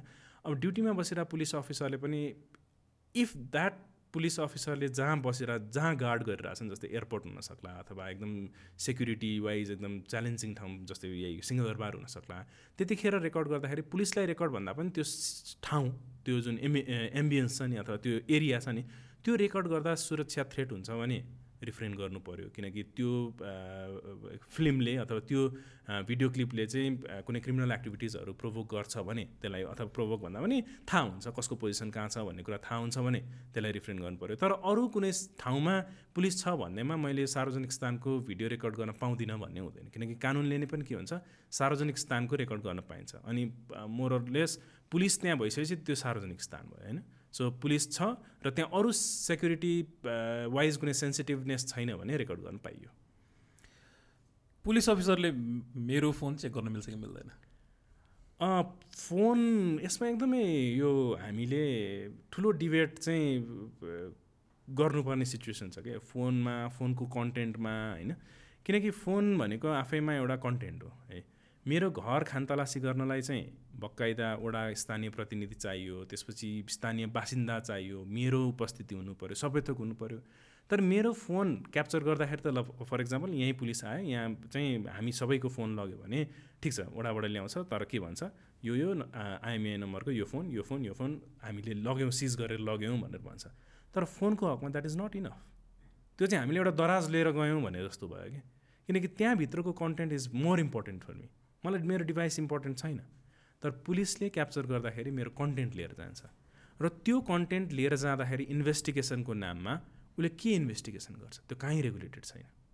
काहीँ उहाँहरूले आफूले प्रोटोकल पनि बनाउनु भएको छैन। एकदम इन्ट्रेस्टिङ छ। नेपालको कन्टेक्समा उहाँहरूले त्यो फोन इन्भेस्टिगेट गर्दाखेरि कतैबाट अप्रुभल पनि लिनु पर्दैन। न कोर्टलाई जानकारी दिनुहुन्छ। कोर्टलाई जानकारी पनि दिनुहुन्न। र इन्भेस्टिगेसन केमा गर्नुहुन्छ? वाट्सएपमा चाहिँ आलोक र प्रवीणले एउटा क्रिप्टो ट्रेडिङको बारेमा गफ गरे रे भने किनकि यो क्रिप्टोमा एउटा इक्जाम्पलै छ कि एकदमै इन्ट्रेस्टिङ छ। क्रिप्टो ट्रेडिङ गरे रे भन्ने उहाँलाई सुराकी प्राप्त हुन्छ। त्यसपछि वाट्सएप इन्भेस्टिगेसन गर्नु पऱ्यो भनेर उहाँहरूले फोरेन्सिकमा लिएर जानुहुन्छ। र इन्भेस्टिगेसन के गर्नुहुन्छ? इमेल पनि गरिदिनुहुन्छ मेरो एसएमएस पनि गरिदिनुहुन्छ मेरो फेसबुक मेसेन्जरको पनि गरिदिनुहुन्छ। उहाँले के चाहिँ इन्भेस्टिगेसन गर्न पाउने? किनकि प्रपोर्सनेट हुनुपर्छ होला नेसेसिटी हुनुपर्छ होला। जे पनि इन्भेस्टिगेसनको नाममा जे पनि इन्भेस्टिगेसन गर्न उहाँलाई छुट छैन। तर हाम्रो प्र्याक्टिस के छ? उहाँले जे पनि गर्न पाउनुहुन्छ। सो अब यो मुद्दाहरूको केसमा यो डिजिटल एभिडेन्सेसहरू जुन हुन्छ नि हजुर। डिजिटल एभिडेन्सेसहरूलाई हामीले प्रोटेक्ट चाहिँ कसरी गर्ने त? भनेर विशेष गरी अब यस्तो हुन्छ नि आरोपित कोही छ भने होइन? त्यो त क्रिमिनल हो भन्ने खालको हिसाबले ट्रिटमेन्ट सुरु हुन्छ। त्यो बाहिर सोसाइटीको त छँदैछ छँदैछ। मैले भन्न खोजेको भित्र प्रशासनभित्रको कुरा पनि। हजुर। त्यसरी ट्रिट गरिन्छ उसको त सबै कुरा राइट अवे सर्च गर्न थालिन्छ। जसरी गोजी गोजी सर्च गरे जसरी फोन पनि सर्च। गर्न थालिन्छ। त्यसलाई प्रोटेक्ट चाहिँ कसरी गर्दै त्यसलाई अहिलेसम्म हामीले प्रोटेक्सनको मेकानिजमै छैन। तर अघि मैले एउटा रेफरेन्स लिन खोजेको थिएँ रूपा सुनवारको मुद्दामा चाहिँ किनकि पब्लिक डोमेनमा भयो मैले रिप्रेजेन्ट गरे पनि होइन। त्यो मुद्दामा चाहिँ इन्भेस्टिगेसनको लागि मोबाइल मागिसकेपछि उहाँले सर्वोच्चमा रिट हाल्दाखेरि सर्वोच्चले के भन्यो भन्दा यो मोबाइल बारम्बार मागिरहेको रहेछ मोबाइल उहाँको प्रेजेन्समा इन्भेस्टिगेट गर। यो कोर्टको आइटी अफिसरलाई पनि राख उहाँको कानुन व्यवसायलाई पनि राख। सो त्यो सिचुएसनमा मात्रै इन्भेस्टिगेट गरेर ब्ल्याङ्केट रूपमा कसैको पनि डिभाइस इन्भेस्टिगेट नगर भनेर एउटा स्ट्यान्डर्ड त के भन्नु? एउटा केसको लागि बोलेको कुरा छ। तर हामीले एउटा लिगल रिफर्मको लागि अथवा पोलिसी रिफर्मको लागि अथवा उहाँ उहाँहरूको प्रोसिड्युरल रिफर्म पनि के जरुरत छ भन्दा उहाँले एउटा प्रोटोकल बनाइदिनु पऱ्यो के इन्भेस्टिगेसन गर्ने? कसलाई राखेर इन्भेस्टिगेसन गर्ने? किनकि मेरो इन्भेस्टिगेसन हुँदैछ भने I should know what procedure they are opting होइन? के इन्भेस्टिगेसन गर्दै हुनुहुन्छ? किनकि मेरो वाट्सएपको सम्बन्धमा इन्भेस्टिगेसन गर्न जरुरत छ भने मेरो इमेल हेर्न उहाँलाई सरकारको कुरा होइन। मेरो ग्यालेरीको फोटोहरू मेरो प्राइभेट फोटोहरू उहाँले हेर्न जरुरी छैन होइन? तर त्यो कुरा कन्ट्रोल हुने मेकानिजम हामीले राख्न सकेनौँ। अहिलेसम्म बनाउन सकेनौँ। हामीले लयरले पनि त्यसलाई खासै फोकस गरेनौँ। अर्को डिजिटल कन्टेन्टमा एकदमै इन्ट्रेस्टिङ कुरा छ क्या। जस्तै चाइल्ड पोर्नोग्राफी इक्जाम्पल होइन? चाइल्ड पोर्नोग्राफी कन्टेन्ट भएको एउटा मोबाइल सिज भयो। त्यो मोबाइल जफतको दाबी पनि लियो। जफत पनि भयो जफत हुने डिसिजन पनि भयो। त्यसपछि के गर्यो त भन्दा कोर्टले जफत गरिसकेपछि त्यसलाई लिलामी गर्नु पऱ्यो अब लिलामी गर्दा के गर्ने? त्यो त लगभग तिन चार वर्ष भइसकेको हुन्छ त्यसको त त्यो अन हुन्छ कि हुँदैन भन्ने कुरामा क्वेसन छ होइन? अन भएन भने त्यसलाई त्यो के अरे उसको के भन्छ नि त्यो गर्ने। अँ स्क्रिप्ट स्क्रैप गर्दाखेरि जुन स्क्रैप गर्ने तौलेर हुन्छ नि त्यो। जोखेर। जोखेर जोखेर दिने एक रुपियाँ दुई रुपियाँ पाँच रुपियाँमा त्यो मोबाइल कबाडी। हुन्छ। कबाडीलाई। त्यो वर्ड न युज नगरौँ कि जस्तो लागेर हो। होइन अनि त्यसपछि त्यो एक रुपियाँ दुई रुपियाँ दस रुपियाँ बिस रुपियाँमा त्यो बिक्री हुन्छ। त्यहाँभित्रको कन्टेन्ट अझै जीवित छ। त्यो कहाँ जान्छ? त्यो कन्टेन्ट के थियो? चाइल्ड पोर्नोग्राफी कन्टेन्ट थियो। हामीले त्यसलाई मेटाउनु पर्छ त्यसलाई कसरी मेटाउनु पर्छ भन्ने मेकानिजम हामीले अहिलेसम्म डेभलप गरेको छैन। सो लयरहरू अब यो हेरिरहनु भएको छ भने पनि there are so many avenues होइन तपाईँहरूले रिसर्च गर्नलाई अथवा यो सेक्टरमा काम गर्नलाई यो यो सेक्टरहरूमा हामीले पक्कै पनि लिगल रिफर्म चाहिँ जरुरत छ। डिजिटल एभिडेन्सहरूको प्रोटेक्सनको लागि अथवा डिजिटल एभिडेन्स कलेक्सनकै लागि पनि। किनकि अब अल्टिमेटली सरकारले टेर्दैन सरकारले सुन्दैन अनि फेरि जानुपर्छ कोर्टमै। अनि कोर्टले सबै लयरहरूको कुरा सुनेर आफ्नो पनि एउटा जुडिसियल माइन्ड युज गरेर किनकि कल डिटेलमा पनि त्यही भयो नि त। सुनेन रणबहादुर बम श्रीमानको हत्या हुँदाखेरि ऱ्याम्पेन्ट रूपमा कल डिटेल चाहिँ लियो त्यसलाई पछि कोर्टले करेक्सन गर्यो। तिमीले यस्तो गर्न पाउँदैनौ। कोर्टको अनुमति लियो भन्यो। सो यसमा पनि there is a need of intervention first of all policy intervention हुनु पऱ्यो भएन भने जुडिसियल इन्टरभेन्सन अथवा एडभोकेसी इन्टरभेन्सन पनि जरुरत चाहिँ छ। भनेपछि त हामी खासमा भन्नुपर्दा त यसलाई overall data protection cyber security सबैलाई जोडेर हेरौँ न होइन? प्राइभेसीको कुरा। एकदम कमनली युज हुने साइबर सेक्युरिटी वर्ड भए पनि एक्चुली यो सबैलाई कम्प्राइज त गर्छ यसले गर्नलाई हामी धेरै नै पछाडि हो दाइ यो साइबर सेक्युरिटी पोलिसिज र लजको कुरामा कि हामी फड्को बिस्तारै बिस्तारै मार्दैछौँ? हामीले मारेनौँ नि। हामी अहिले टु थाउजन्ड सेभेन्टी नाइनमा दुई हजार उनासी सालमा जतिखेर फाइभ जी के के भयो के अरे युज भइरहेछ। हाम्रो कानुन चाहिँ डायलपको छ क्या। त्यो ट्याँ ट्याँ टुङ गरेर डायलप कनेक्सन गर्छ। टु थाउजन्ड सिक्सटी थ्रीको त्यो कानुन छ भनेपछि यसलाई त स्ट्रेट फरवर्ड आन्सर त्यही एउटा एक्टले पनि दिन्छ कि। त्यतिखेरको कानुनले हामीलाई रेगुलेट गरिरहेछ। हाम्रो साइबर सेक्युरिटी पोलिसिजहरू गभर्मेन्ट लेभलमा मात्रै सेन्ट्रिक भयो। त्यसले प्राइभेट सेक्टरलाई चाहिँ काहीँ पनि एड्रेस गर्न सकेन। जबकि डेटाकोसँग छ प्राइभेटसँग छ। हुँदा हुँदा नेपालको प्राइभेट कम्पनी नभएर विदेशको प्राइभेट कम्पनीसँग हाम्रो पर्सनल डेटा छ। तर हामी त्यो लेभलमा हामीले सोच्न नसक्दाखेरि चाहिँ कुन दिन के हुन्छ कुन दिन हाम्रो डेटा कम्प्लिटली क्रास भयो भने कहाँ जाने थाहा छैन। के गर्ने थाहा छैन। न ब्याकअप छ न हामीसँग प्लान छ न कुनै स्ट्रेटेजी छ। र अस्ति रिसेन्टली मात्रै पनि फेरि सबै गभर्मेन्ट वेबसाइट पनि ह्याक भएर डाउन भएको थियो होइन? त्यो डाउन त्यो ह्याक भइरहन्छ डाउन भइरहन्छ उहाँहरूले त्यसलाई इजिली लिइरहनु भएको छ। किनकि त्यहाँ मेकानिजम डेभलपमेन्ट चाहिँ एन्टायरली स्टेटले होलिस्टिक लेभलबाट गर्न चाहिँ जरुरत छ। गर्दै पनि हुनुहुन्छ नगरेको पनि होइन किनकि सबै सेक्टरले आफ्नो तरिकाले सर्ट बनाउनुपर्छ इमर्जेन्सी रेस्पोन्स टिम बनाउनुपर्छ यो गर्नुपर्छ त्यो गर्नुपर्छ यसलाई यसरी लानुपर्छ भनेर वर्क इन प्रोग्रेस त भयो तर साह्रै ढिलो भयो। तर नेपाल गभर्मेन्टले त नेपाली र नेपाल गभर्मेन्टको आफ्नो डेटा मात्रै नभएर इन्टरनेसनल डेटाहरू पनि राख्यो होला नि किनकि इन्टरनेसनल भन्नाले अरू देशहरूसँग पनि त डिलिङ गर्नु पर्या हुन्छ कति कुरा कन्फिडेन्सियल हुन्छ होला। कति कुरा राख्या हुन्छ स्टोर गरेर त्यही सर्भरमा होइन। भोलि यसरी ह्याक हुन थाल्यो भने त इन्टरनेसनल केस नै बन्न सक्दैन र भने नेपालको अगेन्स्टमा। नेपालले जस्तै नेपालको इनएक्सनले गर्दाखेरि अरू कसैको डेटा लस भयो डेटा चाहिँ प्रोटेक्ट भएन भनेर इन्टरनेसनल ल भन्दा पनि ड्यामेजेसको केसहरू चाहिँ नेपालमा पर्न सक्छ नेपाललाई।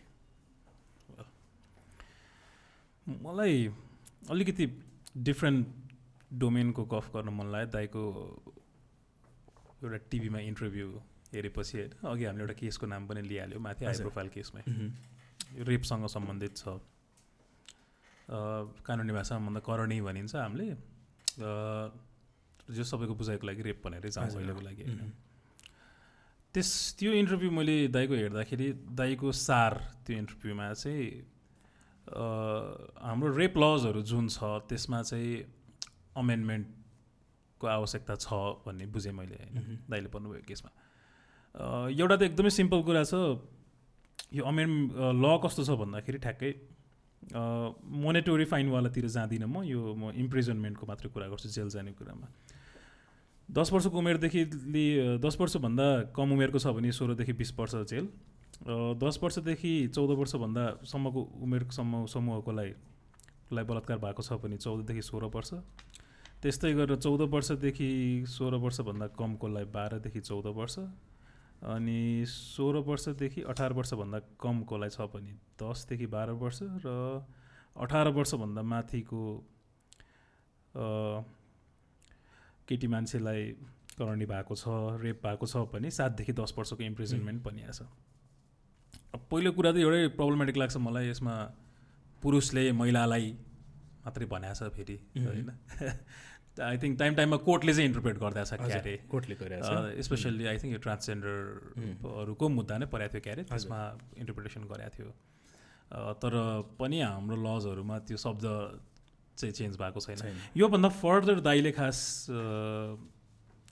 यस्तो हुनुपर्छ अमेन्डमेन्ट यस्तो संशोधनहरू आउनुपर्छ भन्ने खोजिराख्नु भएको चाहिँ के हो दाइ? त्यसमा जस्तै जुन ट्रान्सजेन्डरको होस् अथवा फोर्स्ट अरू के अरे अरू जुन कृत्रिम उपकरणहरू युज गरेर गरिन्छ त्यसलाई चाहिँ हाम्रो कानुनले अहिले अप्राकृतिक करणीय अथवा मैथुन भनेर जुन एउटा व्यवस्था गरेको छ त्यसलाई चाहिँ अलिकति किनकि मेल टु मेल रेप अथवा फिमेल टु फिमेल रेप पनि हुन्छ भन्ने कुरालाई पनि हाम्रो कानुनले समेट्नुपर्ने आवश्यकता छ। अर्को यो पनिसमेन्टको हकमा जुन त्यो लास्टको स्ल्याब छ नि किनकि पनिसमेन्ट कति गर्ने भन्ने कुरा एउटा डिटरेन्स पनि हो। त्यही भएर पनिसमेन्ट धेरै भयो थोरै भयो भन्ने कुरा चाहिँ विधायिकाले यसमा त्यस्तो धेरै डिबेट गर्नुपर्छ जस्तो लाग्दैन मलाई। तर त्यो सोह्रदेखि अठारको जुन व्यवस्था छ त्यो व्यवस्था चाहिँ नागरिकता सोह्र वर्षमा पाउने लाइसेन्स सोह्र वर्षमा पाउने उसले आफूले के गर्ने आफ्नो पोलिटिकल पार्टी रोज्न पाउने सोह्रदेखि नै उसले आफ्नो पोलिटिकल राइट्सहरू एक्सर्साइज गर्न पाउने होइन? अनि यसमा चाहिँ सोह्रदेखि अठार किन बनाउने? किनकि हाम्रो सोसाइटीले के भन्छ? एभरेज एज अफ म्यारेज कति थियो योभन्दा अगाडि? भन्दा एभरेज एज अफ म्यारेज त फिफ्टिन पोइन्ट फाइभ थियो होइन? अनि अहिले यो कानुन बनाएपछि मान्छेलाई के भयो? म्यारेज गर्न त मिलेन होइन? त्यो भएपछि बालविवाह हुन्छ भनेर एज बढाइयो। अब हाम्रो सोसाइटीले एटिन मान्छ कि मान्दैन? एटिनसम्म गर्नु हुन्थ्यो कि हुन्थेन? किनकि अगाडिसम्म अठार नै थियो ए सोह्र नै थियो। अहिले अठार बनाउँदाखेरि त्यसको कन्सिक्वेन्स के के आयो? किनकि सिक्सटिन टु एटिनमा मान्छे अफेयरमा हुने त्यसपछि यो रिप्रोडक्टिभ हेल्थको बारेमा इन्क्विजिटिभ हुने किनकि हामीले फ्याक्ट पनि हेर्नु पऱ्यो नि। त्यो अवस्थामा कसै विरुद्ध करणी लिनु दिनुभयो कोही दुईवटा सोह्रदेखि अठार वर्षको केटाकेटी चाहिँ लिभिङ टुगेदरमा बसे। भने त्यो त रेप भयो स्ट्याट्युटरी रेप त्यहाँ त कुरै छैन अरू होइन? सो कोर्टले के गर्न थाल्यो? त्यो रेपलाई रेप मान्ने कि बाल विवाह मान्ने? बाल विवाह मान्दाखेरि थोरै सजाय हुन्छ रेप मान्दाखेरि धेरै सजाय हुन्छ। सो कोर्टले कन्भर्जन पनि गर्न थाल्यो। मेरो क्वेसन मेरो एउटा रिफर्मको ऊ चाहिँ रिसर्च गर। रिसर्च त गर्नु पऱ्यो नि रिसर्च बेस्ड हुनु पऱ्यो नि। ठिक छ अठार भए पनि त्यसलाई भ्यालिड ग्राउन्डसहित अठार हुनुपर्ने रहेछ किनकि हाम्रो एज अफ म्यारेज यो रहेछ मान्छेको अन्डरस्ट्यान्डिङ अठारभन्दा तलको अन्डरस्ट्यान्डिङ यो रहेछ। त्यही भएर यो सबै समग्रताले गर्दाखेरि चाहिँ अठार नै ठिक हो भन्ने छ भने एक्सेप्ट गर्नुपर्छ होइन? तर रिसर्चै नगरिकन किन सोह्रलाई अठार बनाइयो? मुलुकियन हुँदासम्म सोह्र अहिले अठार किन बनाइयो भन्दाखेरि नो आन्सर होइन? अनि हाम्रो समाजले के मानेको छ? जस्तै सोह्रदेखि अठारमा कि त रोमियो जुलियट क्लज भनेर राख्छ क्या बाहिरतिर चाहिँ के हुन्छ भन्दा त्यो एज डिफ्रेन्स धेरै छ भने त्यसलाई रेप मान्नुपर्छ। जस्तै छ वर्षको कोही बालिकालाई बिस वर्षकोले रेप गरेको छ भने द्याट्स अ प्योर रेप। त्यसलाई स्ट्याचुटरी त्यसलाई स्ट्याटुटरी रेप। तर रोमियो जुलियट क्लज भनेको चाहिँ त्यो ग्याप राख्नु पऱ्यो सोह्र वर्षको केटा सोह्र वर्षको केटी छ भने त्यो रेप मान्ने कि नमान्ने? किनकि त्यहाँ एक्सप्लोइटेसन हो कि होइन? भन्ने कुराहरू पनि विचार गर्नुपर्छ। जुन चाहिँ हाम्रो कानुनले त्यसलाई विचार गरिदिएन भन्ने मेरो कुरा हो। मेरो मेन फोकस चाहिँ पनिसमेन्टमा मेरो प्रब्लम छैन। एउटा कुरा मोडस जुन रेपको मोडस जसलाई चाहिँ हाम्रो कानुनले अहिले अननेचुरल सेक्सको जुन क्याटेगोरीमा राखेको छ त्यसलाई पनि रेपमै राख्नुपर्छ। अर्को कुरा यो एजको लास्टको जुन छ सिक्सटिन टु एटिनलाई चाहिँ कि त त्यसलाई अर्को क्याटेगोरीमा राख्नु पऱ्यो त्यसलाई प्योर रेप भन्दा एक्सप्लोइटेसन भन्न सकिएला किनकि सेक्सुअल एक्सप्लोइटेसन बच्चालाई हुने यौन दुर्व्यवहार भनेर चाहिँ तिन वर्षसम्म कैद राखिदिने। अनि त्यो भने त एक्सट्रिम भयो नि। त्यो चाहिँ पनिसमेन्टको थ्योरी अनुसार पनि त ब्यालेन्स त हुनु पऱ्यो नि। डिटरेन्स गर्ने भन्ने बित्तिकै अनब्यालेन्स रूपमा जस्तै सबैलाई चाहिँ रेपिस्ट हो भन्ने हिसाबले गर्नु भएर फ्याक्ट हेर्नु पऱ्यो अनुसन्धान गर्नु पऱ्यो के छ त? जनता अथवा समाजले के चाहिरहेको छ? किनकि त्यो सिक्सटिन टु एटिन भनेको नागरिकता दिइसकेको व्यक्ति हो तपाईँको होइन? तपाईँको नागरिक हो। त्यो नागरिकले के सोच्छ? त्यो नागरिकमा पुरुष पनि पर्छन् महिला पनि पर्छन् होइन? त्यो कुराहरूलाई हामीले हेर्नुपर्छ। फेरि यो भनेको चाहिँ होइन ब्ल्याङ्केटली मैले हटाउनु पर्छ भनेको होइन। रिसर्च बेस्ड हुनु पऱ्यो मेरो मेरो कन्सर्न चाहिँ यो रिसर्च बेस्ड पनि नहुनुको कारण यो अलिक टची सब्जेक्ट भए भएर हो त के लाग्छ डायलग्स नै धेरै हुँदैन जस्तो लाग्छ मलाई यो यो विषयमा चाहिँ। अनि यसमा कसैले इस्यु ल्याउँछ? अब हो त नि भनेर यसमा खासै डिबेटै भएन। जस्तै अहिले अमेन्डमेन्टको लागि धेरै क्वेसनहरू अब दुई तिनवटा सेलिब्रिटी नै इन्भल्भ भइसकेपछि यो कन्सर्नको रूपमा आयो होइन। तर पनि यसलाई सिरियसली डिबेट गर्ने चाहिँ किनकि मान्छेले यो डिबेट गर्न थाल्यो भने यो त रेप फ्रेन्डली अथवा रेपलाई रेपलाई चाहिँ यसले प्रोभोक गर्न थालेछ भनेर अब यही पोडकास्टमा पनि मैले यसलाई हटाउनुपर्छ भन्दाखेरि मेरो विरुद्धमा कति कमेन्ट आउला त्यो मैले एक्सपेक्ट गर्न सक्छु। किनकि एउटा खेलाडीलाई पहिला त्यो के अरे म्याच फिक्सिङको बारेमा मैले एउटा लेख लेखाएको थिएँ। म्याच फिक्सिङ गर्ने खेलाडीलाई कुन कानुन भनेर। किनकि कानुन थिएन। पछि सर्वोच्चले पनि त्यही व्याख्या गर्थ्यो कानुन छैन भनेर। किनकि कानुन बिना त कसैलाई पनि कसुरदार गर्न मिल्दैन। अनि त्यहाँनिर लेखिएका कमेन्टहरू किनकि हामी प्राज्ञिक बहसलाई हामी स्वीकार गर्न सक्ने हाम्रो सोसाइटीले अझै पनि क्षमता राख्दैन। मैले सिर्फ के लेखाएको थिएँ भन्दा त्यो म्याच फिक्सिङ गलत हो तर त्यो गलत गर्ने कानुन छैन है यिनीहरूलाई कुन कानुन लाउँछौ भनेर सोधेको प्रश्नलाई ए यो पनि बिकेको रहेछ यसले पनि यो म्याच फिक्सरहरूबाट पैसा लिएको रहेछ भनेर दुनियाँ कमेन्टहरू आएको थियो होइन? सो यो कुराहरूमा पनि जस्तै रेपको कुरा होस् एक्सप्लोइटेसनको कुरा होस् हामीलाई बोल्नलाई डर हुने भयो क्या किनकि समाजले एउटा क्याटेगोराइज गरिदिइहाल्छ नि त्यो त प्रो रेपलाई चाहिँ यसले प्रमोट गर्न खोज्यो भने। तर मेरो मेरो फेरि पनि मैले स्पष्ट पार्न चाहेँ किनकि पटक पटक स्पष्ट पार्नुपर्छ। त्यो जुन एजको हामीले राखेका छौँ त्यो टु थाउजन्ड सेभेन्टी फोरभन्दा अगाडि अठार वर्ष ए सोह्र वर्ष थियो। त्यसलाई हामीले अठार बनायौँ। किन बनायौँ भन्ने कुरा हामीलाई थाहा छैन। त्यो रिसर्च बेस्ड हुनु पर्थ्यो अहिले पनि म अठारबाट सोह्रै घटाउनुपर्छ भन्दिनँ। सत्र पनि हुनसक्ला पन्ध्र पनि हुनसक्ला तर रिसर्च बेस्ड हुनु पऱ्यो केही आधार त चाहियो नि कानुन बनाउँदा पनि। किनकि लेजिस्लेटिभ प्रोसिड्योरको पनि त केही स्तम्भहरू छन् आधारहरू छन्। त्यो नै अडप्ट नगरिकन यसै कसैको लडमा लागेर मात्रै कानुन संशोधन कानुन बनाउनु हुँदैन। तर यो बलात्कार सम्बन्धी केसेसहरू त हामीले अलिक धेरै नै सुन्न थाल्यो आजकल भनौँ। हुन त अब एउटा कुरा सोसियल मिडिया जति बढाएको छ इन्टरनेट पेनिट्रेसन जति भएको छ त्यो हिसाबले पनि होला एउटा कुरा। तर रिपोर्ट्सहरू नै हेऱ्यौँ भने पनि अलि सङ्ख्यात्मक हिसाबले अलिकति बढेकै छ। यसलाई चाहिँ कसरी हेर्ने दाइ यो चाहिँ रिपोर्टिङ बढेको भन्ने कि रेप बढायो खास एक्ज्याक्टली मैले भन्न खोजेको त्यही हो। रिपोर्टिङ मेकानिजम बढ्यो कि रेप साँच्चै बढ्यो? किनकि अहिले एनजिओ जसले मेन काम गभर्मेन्टलाई कम्प्लिमेन्ट गर्ने हो। एनजिओहरू बढाएको छन् एक्सेस बढाएको छ किनकि हामीले सुप्रिम कोर्टले नै एक्सेस टु जस्टिस भनेर आफ्नै छुट्टै एउटा परियोजना नै गरिरहेको छ नेपाल सरकार अन्तर्गत रहेर। अब एक्सेस टु जस्टिस बढेर कम्प्लेन बढेको हो कि हामी प्रो महिला फ्रेन्डली हाम्रो जाहेरी दिन जाने ठाउँ महिला सेलहरू बने त्यही भएर यस्ता किसिमका घटनाहरू बढेका हुन् कि साँच्चै नै इन्सिडेन्टहरू बढेका हुन् भन्ने कुरामा रिसर्च छैन। र अर्को कुरा हाम्रो समाज कसरी गइरहेको छ किनकि केही समय अगाडि साठी साल अथवा त्रिसठी साल अगाडि चाहिँ महिलाले जाहेरी दरखास्त दिइन् भने त्यसलाई चाहिँ अकाट्य प्रमाणको रूपमा लिइन्थ्यो। किन भन्दा महिलाले आफ्नो अस्मितामाथि थ्रेट भयो अस्मितामाथि चाहिँ कसैले चिरहरण गर्यो भन्ने कुरा ढाँट्दिनन् भन्ने थियो। तर फ्याक्ट सोसाइटी कसरी मोडियो भन्दा फेक रिपोर्टहरू आउनु थाल्यो फेक एफआइआरहरू आउन थाल्यो। किनकि रिसर्चले देखाएको कुरा हो। त्यो फेक आइसकेपछि हाम्रो कोर्टले कसरी त्यसलाई लिन थाल्यो भन्दा जाहेरी आफैमा अकाट्य प्रमाण होइन। कि त उसको मेडिकल एभिडेन्सले जस्टिफाई गर्नु पऱ्यो कि कुनै विटनेसले जस्टिफाई गर्नु पऱ्यो नभए उसले जाहेरी दिँदैमा चाहिँ त्यसलाई रेप हो भन्न मिल्दैन भनेर भन्यो। सो अहिलेको हामीले डेटा जुन रेपको एलिगेसनहरू आइरहेको छ त्यसलाई पनि फ्याक्ट बेसिसमा स्ट्याटिस्टिक्स बेसिसमा रिसर्च बेसिसमा हामीले त्यसलाई एनालाइसिस गर्नुपर्छ। कति छ त त्यसमा? कतिवटा केसमा ठहर भयो कति सफाइ भयो कति एफआइआरहरू चाहिँ अभियोजनै भएन होइन? ती कुराहरू चाहिँ हामीले हेर्न जरुरी छ। केस आयो पत्रिकाको त्यो न्युज मात्रै हेरेर ए रेप बढेछ भनेर हामीले त्यो कन्क्लुजन ड्र गर्न हुँदैन। ओके। अब यो गाली खाने सब्जेक्ट पछि अब अलिक गाली नखाने सब्जेक्टमा जाउँ होइन? गाली त सबैमा खाइन्छ। काहीँ राखिन्छ काहीँ राखिन्छ। डिस्कसन गर्दा पनि डर लाग्यो। दाजु क्वेसन राख्दाखेरि नै मलाई डर लाग्यो हो ननाटी भन्दा। किनकि यसमा यो साइडबाट डिस्कसन सुनिँदैन नि भनौँ न। अनि गाली खान्छ जस्तो चाहिँ लागिरहेको थियो तर जस हेरौँ खायो भने एउटा अर्को सोध्नु मन लाग्दा यो हामी अलमोस्ट लास्ट लास्टतिर पनि आइसक्यो होइन यो। हामीले यो प्र्याक्टिकल लको कुराको प्र्याक्टिकल प्र्याक्टिकल कतिको छ कुनै कुनै कानुनहरू भनेर। कन्ट्र्याक्ट्सहरू कुनै सरकारी लेभलमा गएर दर्ता गर्नुपर्ने चल नियमहरू बनाएको छ सर्वोच्चबाट डिसिजन पनि आएको छ। मैले नबुझ्ने कुरा चाहिँ यो कतिको प्र्याक्टिकल कुरा हो। अब आई थिङ्क सर्वोच्चको डिसिजन अनुसार चाहिँ पचास हजारभन्दा माथिको कुनै पनि करार छ भने दर्ता गर्न जानुपर्ने हो क्यारे। त्यो चाहिँ घर जग्गा सम्बन्धी मुद्दामा सर्वोच्चको त यो अहिले कानुनको व्याख्या होइन। यो साबिकै करार र यिनकै व्याख्या हो होइन। अब यसमा मैले आलोकको पोइन्ट लिएँ होइन। के के सुन्न खोजेको? यसमा अब के हो भन्दा हाम्रो कानुनले चाहिँ केही केही जस्तै घरवाडालाई पनि रिटर्नमै हुनुपर्छ। अनि पचास एक लाखभन्दा बढीको भने वडामा दर्ता गर्नै पर्छ। त्यसपछि कन्ट्र्याक्टहरू पनि जुन पचास हजारभन्दा बढी को कन्ट्र्याक्टहरू वडामा दर्ता गर्नै पर्छ भन्ने भ्यालिडिटी त्यसको फर्मेलिटी त्यो भएन भने कन्ट्र्याक्ट भ्यालिड हुँदैन भन्ने कुरामा। सुप्रिम कोर्टले के व्याख्या गर्थ्यो?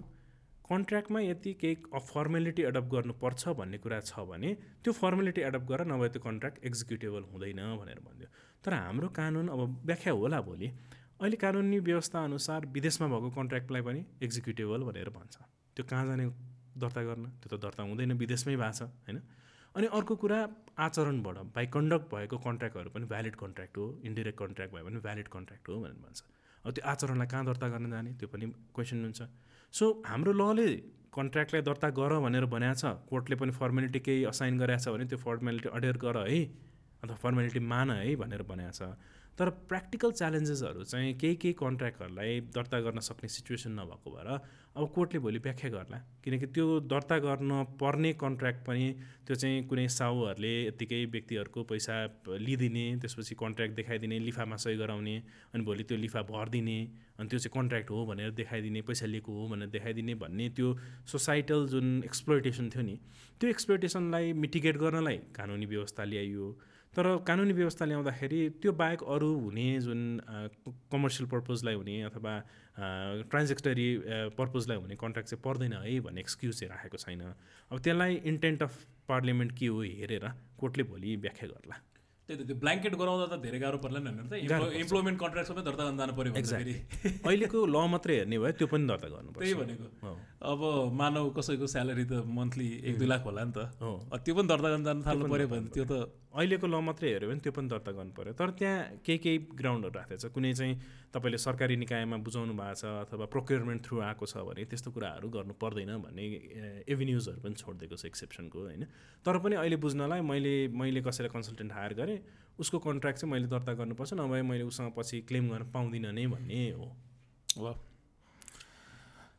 दाइलाई अब लास्टतिर एउटा क्वेसन अस्ति ट्विटरमा दाइले लेखेर देखाएको थिएँ त्यही भएर सोधिहाल्छु। रवि लामी छानेको रिसेन्ट इन्सिडेन्ट जुन भयो त्यो रिसेन्ट इन्सिडेन्ट त एनआरएन र नागरिकता सम्बन्धी कुरा सबै कुरा एकदम मिक्स ब्याग भनौँ न खिचडी नै भयो धेरै कुराहरू बाहिर चाहिँ। कोर्टले त अब अलिकति क्लियरली नै भनिदिएको छ भन्नुपर्ने कुराहरू। अब नेपाली नागरिकता होल्ड गरेर बसिराखेका भनौँ न भन्नाले फिर्ता नबुझाएका एनआरएनहरूले। यस्तो व्यक्तिहरू भनेको अलिक क्लियरली भनिदिन्छु फेरि होइन? विदेशी सिटिजनसिप लिइसकेको। अरू ग्रिन कार्डहरू अथवा पर्मानेन्ट रेसिडेन्टहरू परेनन् यसमा परेन। उहाँहरू अहिले तर्सिनु पर्ने हो? डराउनु पर्ने हो? अब यसमा अब यो किनकि हामीले फ्रेङ्कली सोसाइटीलाई दिने मेसेज भएको भएर यसमा क्लियरली नै कुरा गर्दा सजिलो हुन्छ। रवि लामी छानेजीको नागरिकता विदेशी नागरिकता लिएको कुरा उहाँले नै डिस्क्लोज गरे उहाँले नै म विदेशको नागरिकता फालेर आएको मान्छे हुँ भनेर उहाँले भनेको हो। त्यही भएर पब्लिक इन्फर्मेसनमा आयो मान्छेलाई थाहा भयो अनि इस्यु जेनेरेट भयो। अब मैले नर्वे जाँदाखेरि नागरिकता लिएको थिएँ कि? होइन? त्यो त म कसैलाई थाहा छैन नि। अनि नेपाल सरकारले नर्वेलाई माग्यो भने पनि दिँदैन नि उसले आफ्नो सिटिजनको। उसले त्यो पर्सनल इन्फर्मेसन भन्छ न अमेरिकाले भन्छ न कुनै पनि देशले भन्नेवाला छैन। So how do you establish a person has dual citizenship that's a very important question एकदमै इम्पोर्टेन्ट क्वेसन के भन्दा कसरी इस्टाब्लिस गर्ने? डुअल सिटिजनसिप छ भनेर। कि त आफै रविजी जस्तो भन्दै हिँड्नु पऱ्यो सान गरेर हुन्छ अथवा त्यसलाई चाहिँ एउटा प्राउडको रूपमा हुन्छ होइन। नभए डुअल सिटिजनसिप थियो भन्ने कुरा इस्टाब्लिस हुने ठाउँ छैन। इस्टाब्लिस भयो भने के हुन्छ? तर्सिनुपर्छ। अब त झन् क्ल्यारिफाई भयो। हाम्रो लमा प्रोभिजन थियो। अर्को नागरिकता लिएपछि नेपालको नागरिकता स्वत खारेज हुन्छ भन्ने। लजिक के थियो? आर्गुमेन्ट के थियो भन्दा होइन। स्वत खारेज भन्दा पनि त्यहाँ प्रोसिड्योर दिएको छ। त्यही भएर खारेजीको लागि जानुपर्छ। गएपछि मात्रै खारेज हुने हो। अनि आएपछि स्वत एक्टिभेट हुन्छ भन्ने लजिक थियो। अब सुप्रिम कोर्टले त्यसलाई क्ल्यारिफाई गरिदियो। त्यो त without any avenue of review किनकि कन्स्टिट्युसनल बेन्चले गरेको रिभ्यू पनि हुनेवाला छैन होइन? अब कि त ल नै रिफर्म हुनु पऱ्यो अब त्यो भइसकेपछि हाम्रा नेपाली नागरिकहरू जसले यहाँ नागरिकता लिनुभएको छ तपाईँ विदेश जानुभएको छ विदेश गएर नागरिकता लिएपछि यहाँको नागरिकता त खारेज भयो। अनि आउनुहुन्छ नेपालमा नेपालकै पासपोर्ट बोकेर आउनुहुन्छ। नेपालमा सम्पत्ति जोड्नुहुन्छ सबै थोक गर्नुहुन्छ। भोलि उहाँ डुअल सिटिजनसिप भएको कुरा तथ्य इस्टाब्लिस भयो भने हुन गाह्रो छ मैले अघि पनि सुरुमै भने इस्टाब्लिस हुन गाह्रो छ। तर त्यो इस्टाब्लिस भयो भने यहाँनिर तपाईँले खरिद गरेका सम्पत्तिहरू रविजीले चुनाव लडे जस्तै हो। जफत। अब के हुन्छ थाहा छैन। त्यो पूर्व भ्यालिडिटी छैन भ्यालिडिटी छैन होइन? सो त्यो हिसाबमा अब च्यालेन्जेस छन् कसरी जस्टिफाई गर्ने भन्ने च्यालेन्ज चाहिँ छ।